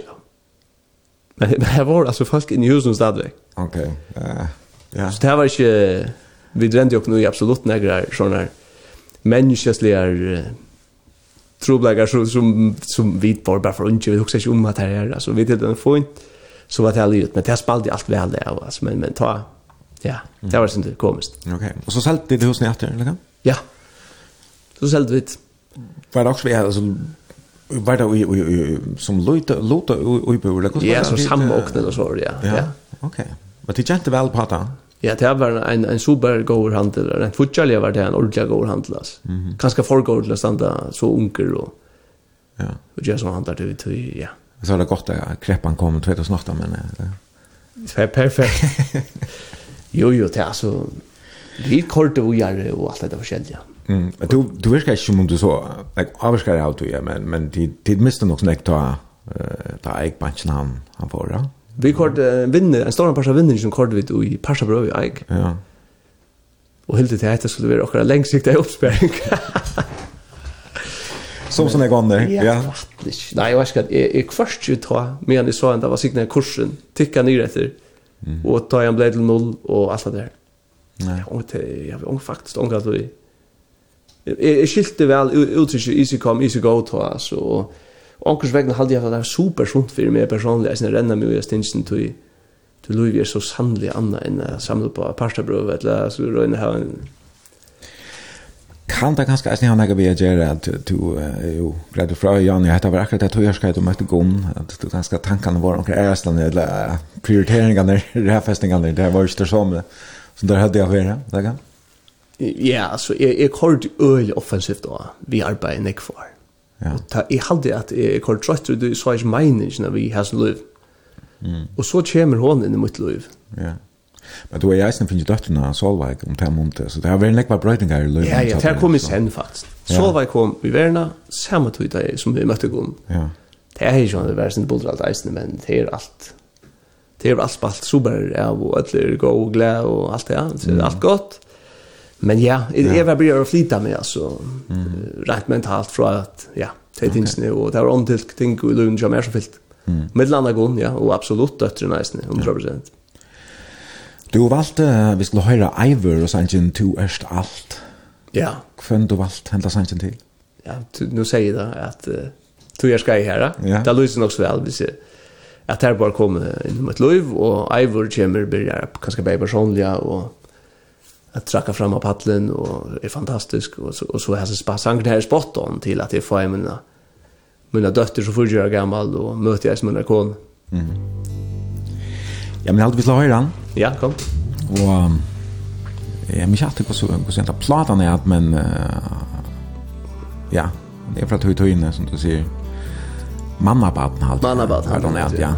Ja. Driver, du är.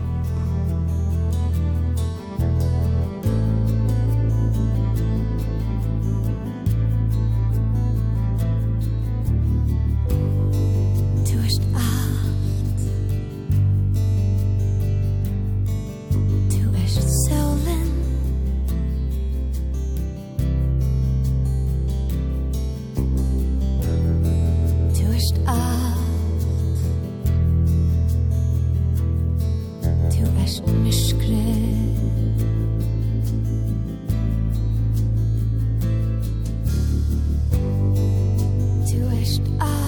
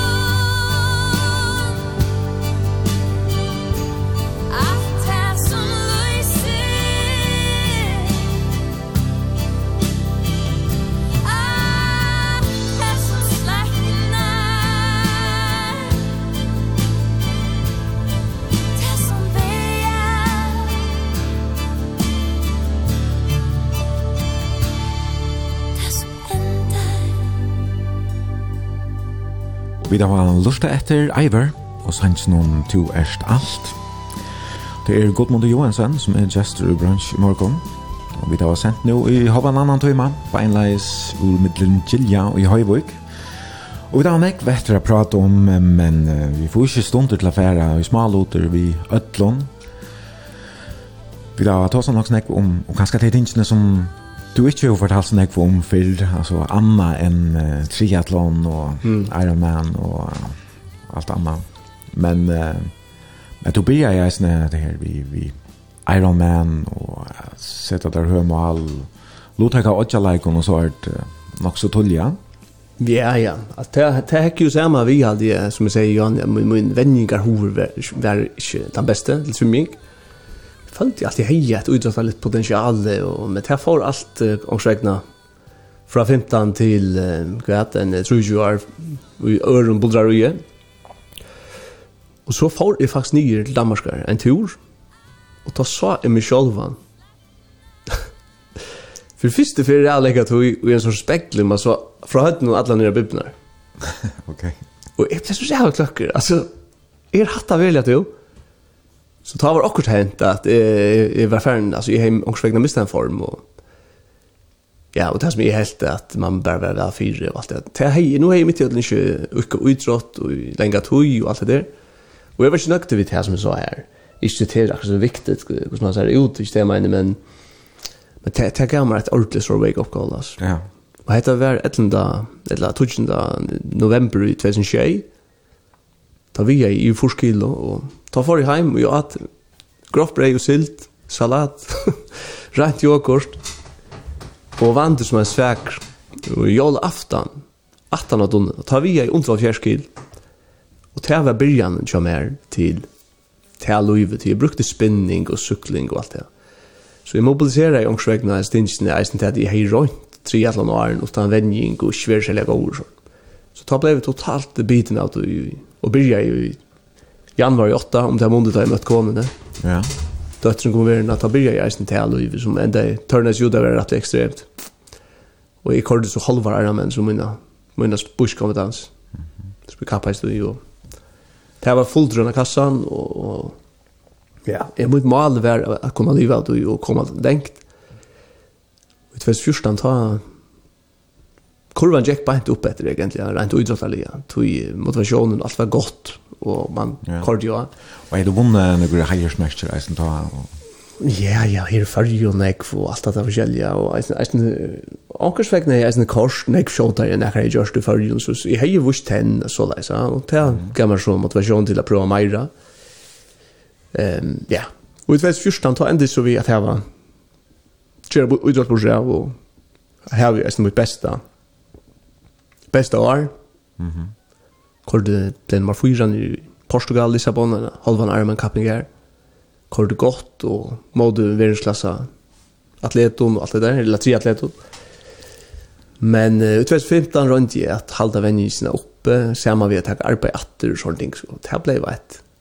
Det blei lagt nyvar for meg, for jeg sier at det er akkurat som det er. Ta blir jeg på ullene og venda nyretter. Ja. Ja.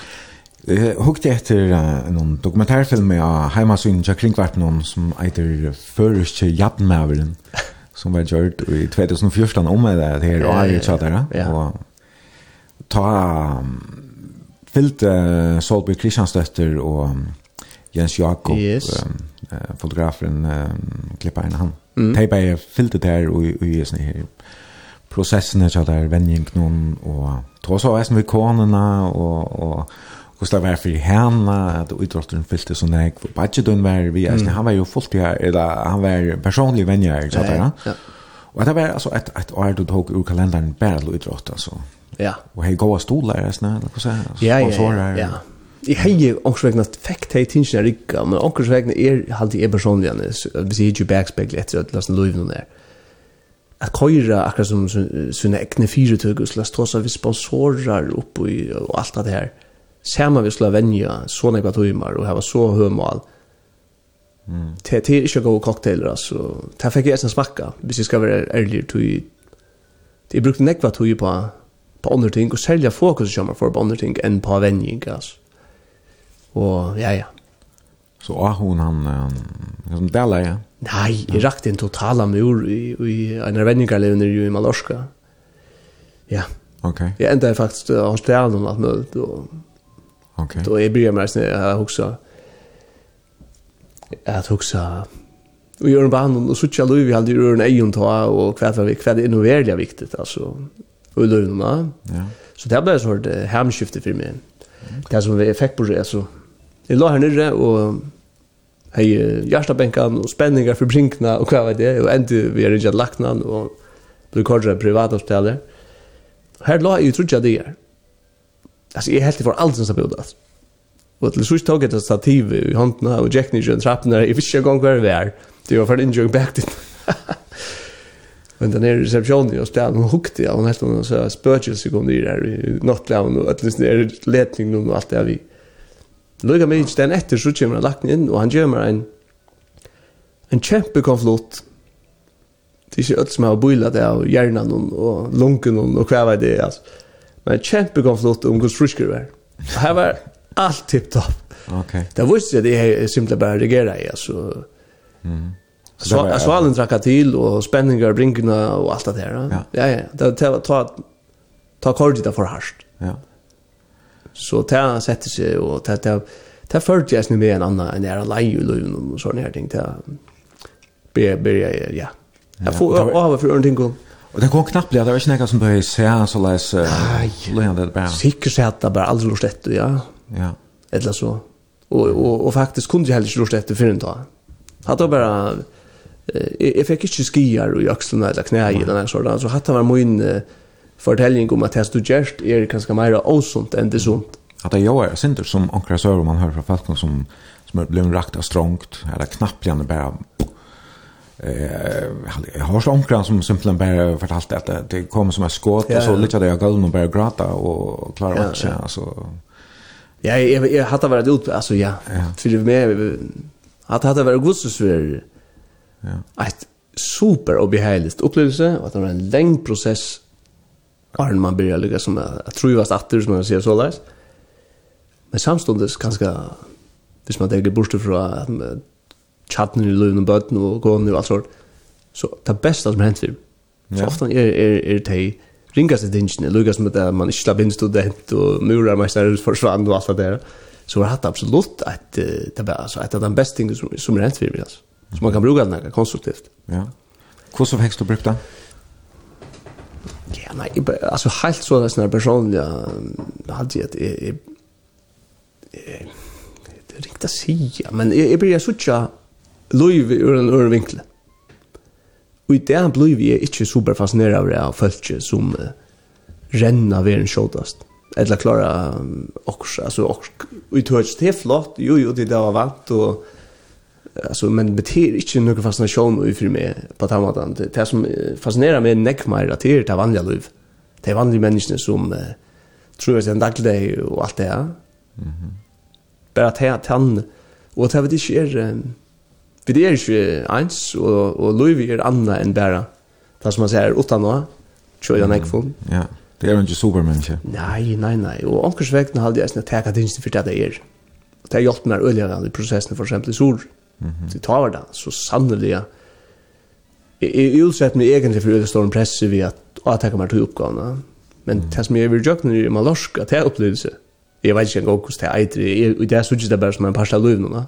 Mm -hmm det blir alltså en breakdown alltså ett sammanbrott på en kramata alltså så att här här allt lukas Ja ja i ju mig själv. Andra folk har vi ju sagt att det måste lov är arbetar vi gör och andra vi gör. Men i ju mig att det är äldre nu mer det här kollaps och så där Ja ja det får ni Det får ni vänta. 100%. Mhm. Men ehm du må ha kommet nok så kjøtt uh, av en uh, føtter etter til... Ja, dette var et år åren du ble leier i... Ja, ja, ja, ja. Skola story. Ja, alltså jag kom ett där punktet. alltså. Jag jag huxar såna tankar om det. Jag kunde någon to hevra alltså haft det gott och så vidare. Så om det är rått resten av den där bilen, jag måste bara röna. Det är klart jag helt själv att befatta mig det, ja. Så jag kom till punkten så jag ska nu nu måste du på hästnatter och Visst det i heiligt, alltså, jag men så gärst du det, och så prövar du det av och till det. Så tar börja i ångsvägna. Mm vi har en øre mindset i at uh, jag trakk inn og, og, og och att jag kommer uppgåva och björa fram til i mistatter med et landa søkt i starve for en skiferie ser man vi en Sista bansja var som heter Rowe. For meg var det her skritt at jeg gikk affære av landen, og det var først for å få landen at dette dårlige opplevelsen er jo i Mallorca, og for meg var det her faktisk her skritt at jeg gikk. Vi får så skiferie i Foldsnakassan i Alto S, og der kom atter skriva igjen av av förra så är en omsök till uh, utåthalskolan som jag ser en Facebook-kandigar nej, Facebook-uppsteg mm och slapp samråd och så kan man se resten söva eller så Dennis Holm säger ju en av vimme gott mot här var olusaliga gott det var bara var fem omsökte så måste vi ta alla samråd Du vet, jeg vi vivis nu, det det var tutsi, så var det i. Så omkring har vi gjort det ganska ett intryck till, till samrödena. Ja, ja, ja. Och det var ganska en god en god lärdom eh har finns ju i vi för så så iron du blev skola story här och jag kan ju ut när närmare kan ha sen väldigt öliga imager och imskom stå stå ja alltså och utan har skolan ja ja det är också snack om det att tamt här som det er faces som jeg har vært i. Ja. At det, det ble jo et enormt anbo for at skulle arbeide vi følt jo i unge. Mm -hmm. Nemlig at det, er, det er ikke viktig om vi uh, svimmer tusen meter eller klarer det. Det, det er uslig, det er ikke viktig. Og jeg bestemmer heller aldri noe uslig det er. Jeg vil alltid ha prosessen av å være så jeg sier at at de unge skulle røyne tjattene skulle være, de røyna sutt best. Ja. Og prøva vi tog som de hev. For så får man et utfall. Mm -hmm. Spitsbror så får man ja, ut. Men det her vi at uh, skifta löslag, knappt en leipa ut och en helt nutja yrkeslag. at det er ganska nok så løsande for tutt liv är som uh, Jag långa fra fra tog hus som lärlingar i uttagen hela fyra tog att bara hoppa och det tänker jag att uh, flisa bärver så skallten då allt ner runt där för och att ta ting och alltså jag mölagar hellre än föringar. Så det Ja ja ja 100%. Det er alltid løser, löser Ja. Men her er sånn at, som jeg sier, anker sier vi med at, at, at det var en standmynd av der i i skoleheimen, du vet, og sier anker stått lenger. Da også sier, hvis det skulle være mynd av nøkron, så har han gått så imot til tæløyve, så hvert her kom fra, så var det fra, fra Abbanon, Abbanon, som jeg tar seg med Jan, han har sett noen ting så baskande under hona kommer fra Batnia, som jeg har sider vi, ja. og som jeg eisne bruker enn det, altså. Men eh, ja, skolhem var nok det senaste som blev gjørst, Arne, du eh, sier opp, det var helt nok sagt opp, Arne, du rymte, eller? Forrest sted? Ja, ja, Arne Gast, ja, ja. ja. Men kan du byrja jo i 2016 ved en skola som uh, ikke hei, uh, altså som ikke eksisterer i en nærmest, altså. Ja. Yeah. Jeg var rundt i nærmengar, og uh, jeg var ikke særlig, hva, hva var, hva var det arbeidet vi da? Hva var det arbeidet, ja. Alltså här var sjön det att arbeta ett initiativ tidje från lokalen. Mhm. Mm och och man är finns i åttan han det innan. Och så var man så bygga småtton och bruka palsöl till swimming och så stora packus till underviskarhull och matcher så. Men utifrån tog vi var egen lunch. Tog en av vikarna började i tandskolan, då stod vi här nere i Karabrygg. Vi är nätiga av Tucci fotbollsskolan som vi finns ju från var förra och vi skulle starta en adventure ha skolan upp. Och ta blev det bara simpelt. Ta, ta, ta hjälp du hit. Men öliga väl, alltså jag tänkte ju, men nu jag det som det kommer och det är ju sånt gänger om det gänger. Det är bara inte att tunna. Och så börjar jag bara. egentligen. Vi tog sig snägg om, alltså, helt stort om, så tog jag en dag gänger. Det var inte allt som orska så väl tandstudien.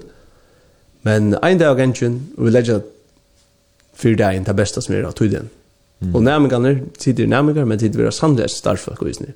Ja. Så där första nærmengene, Att det första skeilen, de eier så sannelig, så en leiklod, altså. Det, hvis det var två malen så det kjenner jeg där penger, det skal jeg. det er jo absolutt en parster av, av menneskene, ja. Ja, ja, 100%. Det er en haskole, det snur seg ikke om personlig menning, en haskole. Ja, ja. Men då du säger du bestemt ikke alt som domte det her så vel, Jag tar ganska onkel av startspel och så där som som helt det var sånt sträv jag lunch var planlagt och vi ja. Så jag hej fick en match mittel som med Peter Gottfridsson som var kommer ur danska flömaskorsen hon där fick han hjälpa mig första skaje och han var spot on till till till till Louis det här Louis som skulle vara jogging då mm men är personligen var alltså inte är var mer till hit. Ehm nu möter vi då och så hittar jag kvar det rum någon och så skipar det undervisning då mitt och var neck clash. Ja. Men på att gå matan. Det var allt vi vi en utfall det var att vi får fram efter.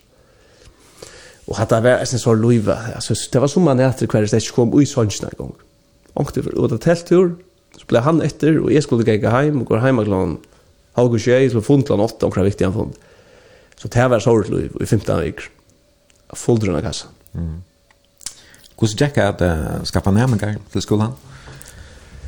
Ja, det är alltså vi vi byrja av i jeg ble sett til 1 mai, i juni. Nej, i i, i 16. 1 mai, og skulle ha nærmengar i august. Og omkurs vegna var jottan under på så långt att ja eller så där så alltså det skulle komma så ifall det det går så de skulle komma nærmengar. Så läsen skaffa in og finne undervisar og alt det så är börjar bara såna marsnar för att säga här för vi at jeg blir hoppa check for det var bare for å gjøre sprälla og ja. vi kjører skoler, og vi finner så skreva 16 næmengar sammen. Det første skal jeg, sier jeg var det. Og ta visste jeg at nå er slopp. Nu skulle bare få mer enn tutsi til januar, sier jeg. Så er slopp. Det tar, så kunne det ligge som blir marsjene for. Ja. Men det som jeg ikke visste i 16, i august 16, det var det at jeg får møte at absolutt den beste startfølgen man kan huksa seg. Og i løpet av tog tog Så i januar og i, og i Seijan, da kunne jeg sette Jona, eh, Bransson og, og Øssur Davis Eirsfoss, og i starv, omfratt av Rove, jeg som kom så ord.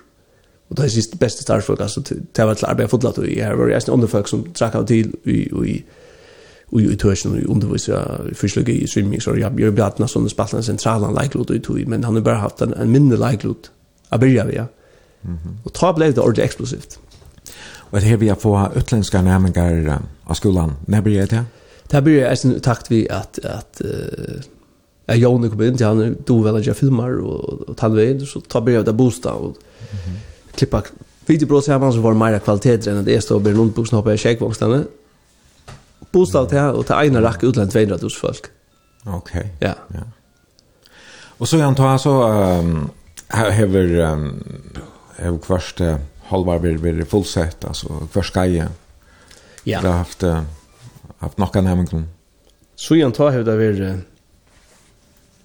länge boilist faktiskt. Ja. ja. Och det har tryggast där framöver för övrigt. Nu det finns ju några lärare. Konceptet är skapt och Karman är här och den nya läraren ner. hydro på uppgåvorna och, och, och till allt att säga. Motivationen är rätt alla. Ja. Och är kunde färra vi. Ja. Ja. Hvor jeg valgte så djevast alt kort jo godt, og, og nærmengen trivist, og kan ikke utrett du eisen trivst selv? Ja, ja, ja, jeg trivst supervel, og, men, men som jeg sier, Janne, at jeg står av Garabrik, vi er noen bøltum, og man kan til, til kjøtt å si at karmaner var ikke gåver, og det var der heller ikke ut fra en, ut fra en perspektiv. Men, men den mobiliseringen, at ungen tror på det, ånders folk som vi med tog med man vik at det er for ankan med tror jeg alt det tan mobiliseringen samma vi at man fick en sån uh, raska manna trädsar som Peter och och tät ett voxbigt står samman om det. Mm. Så man ser att det att sån kan grenja det har man ofta ja. Det kan är så inte tror jag tandkraften till att ett voxbigt står samman om detta projektet och Dennis Holm vi sa när jag kunde inte alltså visst det var viktigt han gick av vatten och så hade han klarat det då. Det var nek viktigare enn at vi hadde bygningar og hesen og hesen. Ja. Og ta for vi, ta visste man fint etter et, et projekt som vi standa samman om, mm. vi arbeidde opp. Ja. Det var nesten det, naturen og det her løyve som skulle være samleidjen, la mynda skolan. Så det her var det jo nok av. Ja, ja, ja. Vi så det fantastiskt uh, naturtilfang. Ja, ja, ja, 100%. Mm -hmm. Det var det første som jeg så at till något när han skulle färdas. Och det brukte sen det är ganska färra vem Sen det blandas träffar vi nu på i for jag får några häntläggar til skolan ja, ja. och så här för jag ja, ja, ja. skaffa fotching till til Imus. Ja, vi gjør det egentlig at det er kaféen her, Jukka. Mm -hmm. Chat hus är det gamla Siri, det gamla biografen som som var i vei, og gjør det om til Jukka kafé og tanken var att här var kafé og adventure liv ut herfra. Mm -hmm. Det var faktisk en mindset där for att för att få folk fotla tog til Soria. Mm -hmm så en pri privat initiativ som man också räknar setter stone för å få till røtte falskna och steg. Så jeg arbetar ved adventure där är inte bara där kan man ikke bara bli en kvar nu. Det krever jeg alle alla i mitten och du du vill ju ha folk ur halm handla in. Ja, ja. Så det ble ett aktivt vis nu. Ja. ja. Och så där kan man färdas och og och man kan uh, cykla kajak eller man kan uh, klättra Ja, ja. Svimjahøtlen nere her, sånn polshøtl og... Altså, så det kunne bli et fyrre av en mekka innenfor altså, individuelle opplevinger, 100%, ja. Hva er det du, hva hva er det som mangler her? Nu er, kan man säga att glökt är Jessens eia. Ja, det er så det. du uh, hikker utifra? Nei, altså, jeg hade utelukkende utifra, hade det mangler at teka törsne. Samman. Ja, og blir på det. Alltså, ja. Eller Sätta några goar alltså just just tänka på like blue och mer mer men det är viktigt att det är gibar för exempel då. Man kan ta bulkar in och sånt. Och man kan ska arbetar så man då vet ju man man gör det men men man har stångt det är sån där kapping med den bigna helt än än det kanske Ja ja ja. Jag har onkat upplevt det. Jag har alltid väl modigen att sen runt och jag har bara gott att ber öllum tog men onkurs vägna halde jag man nu bara manglar mobilisera. Ja. Hvis vi tar att att batchen finns nu John Agera Prime kommer eh med stån här Chinkon och allt det där. Alltså allt sort plus att förra allt det som är. Ja. Att det hade vit lägger det men visst man så isen blir sett upplevelser och mera skipa till tycker så så kan det bli mega spännande just. Och gott mod då tog en han gänger kött om han hon har sig och Ehm vid färra att hitcha inte ro på några av dem halsan någon som kom där och och spårningar i några isna. Jag kom där nämligen jag var halsan ur Uruguay. Ja. Från Haldenberg namn kom och samslagsfälla och öron. Så to eh, första steg vi eh, goda samviske kan man säga så eh, det du följde i på det var fasa 1 nu ska långt grann komma in och ta över eller vad så Ja ja akkurat så. Jag följde att att jag har alla de målsättningar om att ta tandering där i färre. Mhm. Ta ska hette här inte vara spårning om en person och att allt skramlar samman. Nej. Så en spårning om att tillfånga går i Jordan. Ja. Faciliteter i Jordan. Jottan är starföld allt det i Jordan. Mm. Tog i förhållande nu följde jag att det var tryggt och och att det var att Ja, här var säkert den här stabiliserande fasen nu som kanske tilltrång. Nu nu ska det ta finna nu läraren där men ja. Och så kan han ta bidjast på. Så eller så. Ja. Ut det och ändliga kan man säga. I morgen ta leter uh, nødja arbeidsplasser til der opp. Gola smia i Ronavøk, samband vi at det er i Ronavøk. Ja. Det er ferdig at prate om, man har lukta dette, Ja. Og er vi ferdig at uh, hitja til sms på og termen som jeg har sett helsan på Facebook. Men aller først, lykka nekrar tonar vi Nino Simone, sangren Cinnamon. Ja. Hva kan du si om hetta sangvele, hvor just hentan? Här som kom, är sin en löv som är sjore, og hvis du har tempo i sangen, fulgte den kassan, det løys det vel, og ja, hadde han eisen en halsan til okkon tjej som bor inne i samme huset, og man også av, av gulven, da det var mest nøyot, så okay. ja, hadde det bultra litt, stått litt.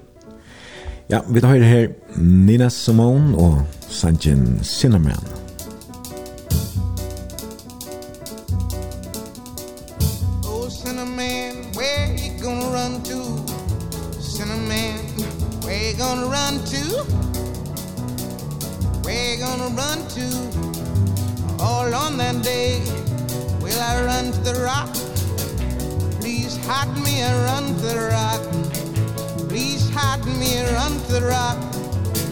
Please hide me, Lord, all on them day But the rock cried out. I can't hide you, the rock cried out. I can't hide you, the rock cried out. I ain't gonna hide you down. All on them day I said, rock What's the matter with you, rock?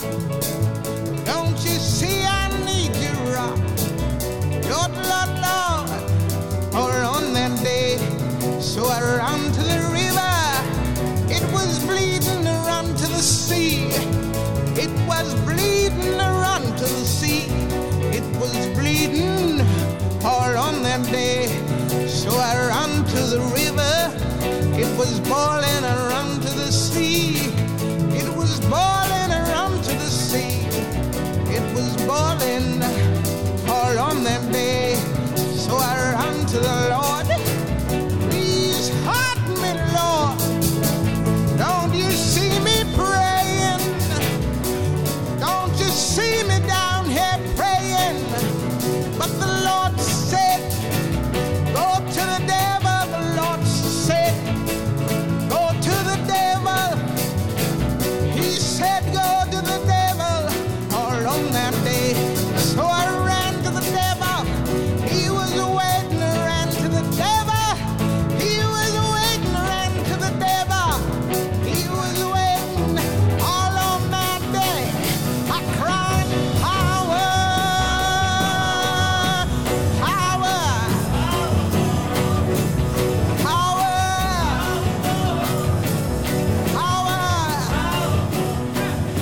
Power singer Sina Nina Simone her. Det har dårstett sant noen cinnamon. Vet jeg så hørt Råp til det du er så rent. Power! ja, jeg hadde lyst av alle chip i stedet for bodde. Ja. Ein luftar spyr, hva er det beste vi at arbeider vi ungfalskon? Ja, hva er det beste? Altså, det, det som, eh, jeg har sagt om til før, at jeg suttet det synder som at det er unge her til kloko, til forvutne, til som færre finne det, at alt det har vidt negv eldre. Gjør det bedre enn det, eller du vet, det blir jo at her. Tui hadde jeg at det er veldig spennende, at vite hva det går med seg i Tamnung. Ja. Og jeg synes alltid min oppgave som at skapa plattformen, triviella plattformen, til at jeg kunne utvikle seg. Til reisende, til få det beste bursur, hver en einstakka. Til det er absolutt min... Uh, min målsetning er att vi och det stortligaste vitt. Ja. Det er det. Ja, ja. Och då har vi ju brukt näck till att spyrja till etter resten. hva skulle vi gjøre, hur skulle vi... Ja, ja, ja, 100%. Ein annan skriver her, Stottel da lust etter Godmunde, han er et praktfullt menneske, fotler i løyve og en er megnar i Orskon. Her vi opplever han av sommerskai i vaje, då er så omedelige vel vi menneskjon. Det er heppen i Østerøytene, alt det beste Godmundur. Ja, og det er altså i morgen at du så av alvara for i elden og i golesmye. Ja. Hvert, uh, ja, hvert gleder du deg mest til? Ja, jeg gleder meg faktisk bare, bare leta, leta ditt nær opp. Og så jeg kom inn, og velkommen, og kom et notler, det er hvert noe jeg finner på, altså, jeg synes ikke hvor er her, og hvert gøy med seg her, altså, det er det, jeg får lov i bygningen. Ja, hver, hver er det du møtt her til? ja, at nu har vi eh, nu har vi ja, Borgerström han han så han det har vi mött och här är Mario Niklasen, jag visst och Peter Hansen och mm. Sölve och försiktigt. ikke de unge, ja? Nei, ikke ordentligt, ja. Jeg har vært i skolen skolan og, og sett anledning av deg, og, Ja. og tar jeg, jeg har varit god smidig gjort klart. Så nu der skjedde det igjen. Så er jeg bare blir for å komme inn hvis det hvis det kommer bo igjen. Ja. Så det som här som är väldigt at det kunne Okej. Okay. Så ja. du har väl varit ute i skolan och fortalt oss inte om ja, smia. Ja, Luka hälsar på. Och sen för jag spyrar dig kvart kvart det såg jag för sig och kvart det kunde huxa sig.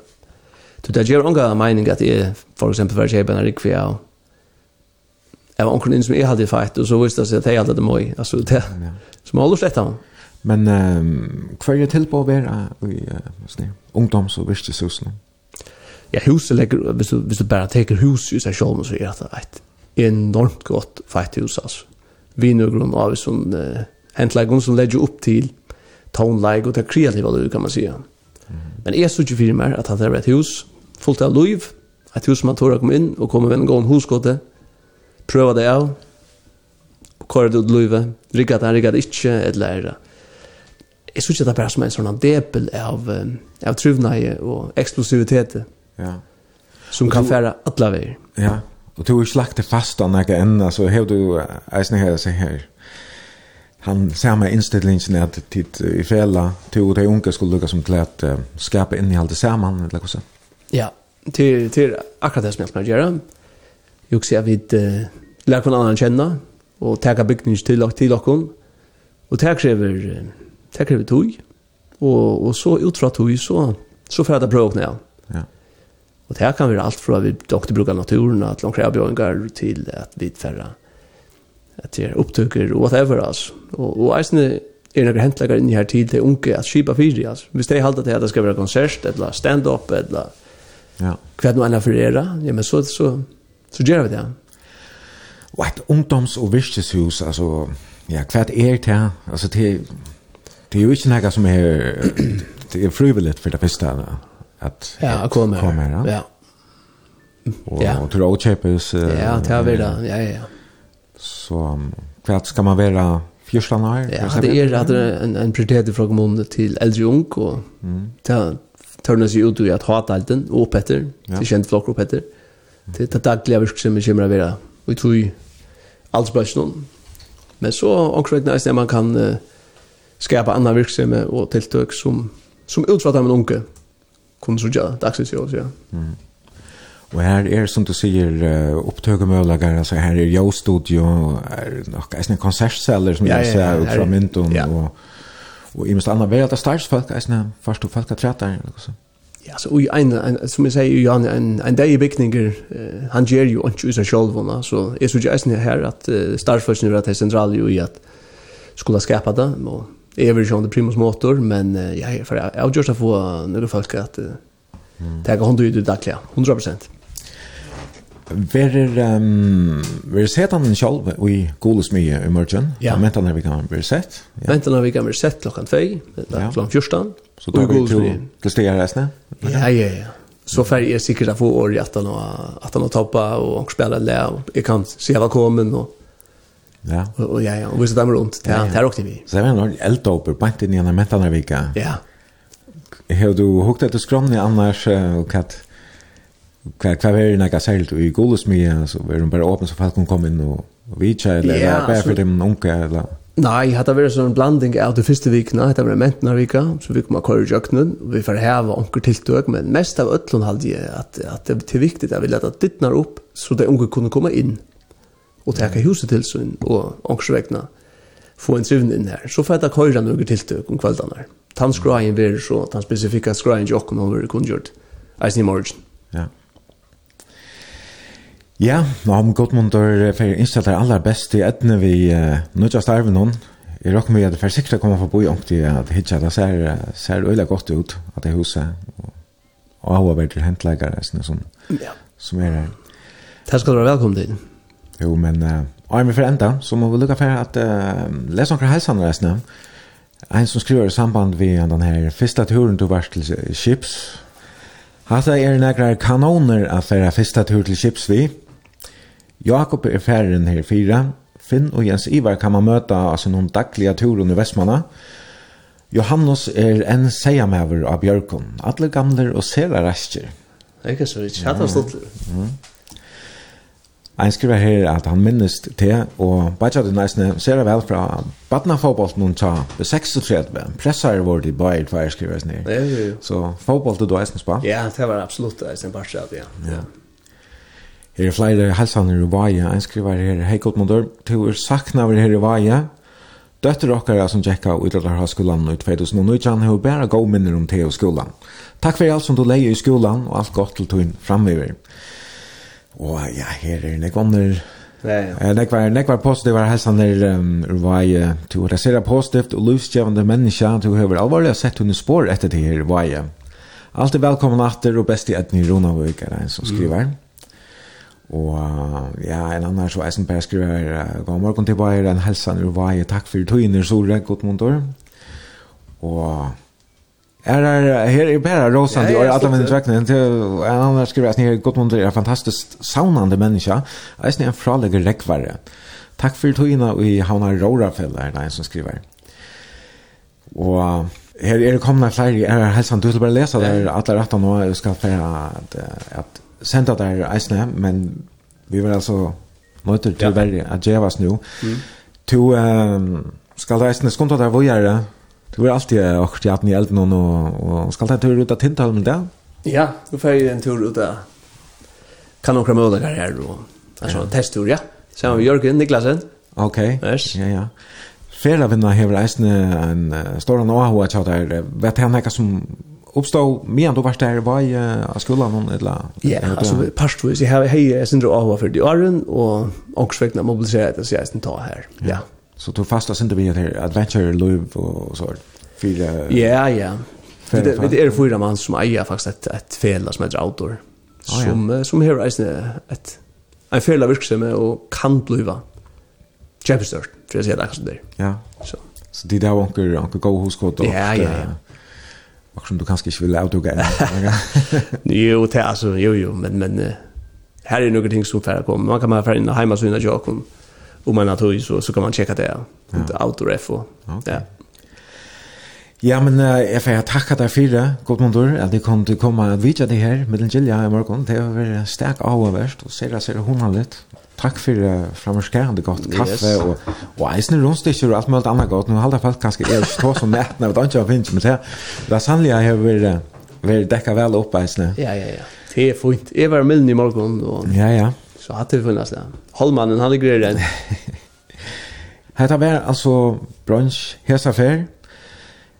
Ja, förresten. Jag har glömt att det är avdukat hans sista sanchen. Billy Eilish. Ja. han var ett agar vi. Visst, han manglar i akkurat. Ja, ja. Jag har ju enda med någon tonen att det är bad guy, Billy Eilish. Og at det er en sånn ungdomssanger. jag kan lycka lägga sig att vi snöjt det. Att det er enaste sanger i verden som är du utan att. Adlan Sanchen. Jag har hört han 300 000 för jag skulle hem där så hade en hälsan ice till där då. Ja. Tack för Hetta var altså brunch her sa fyrir gestur var Gudmundur Johansen i IDF Jensen og bare at vi brunch og nu kan gestur koma til leir klokkan 5 minutter i betutja. Takk til oss som torsdag og godt vikeskifte.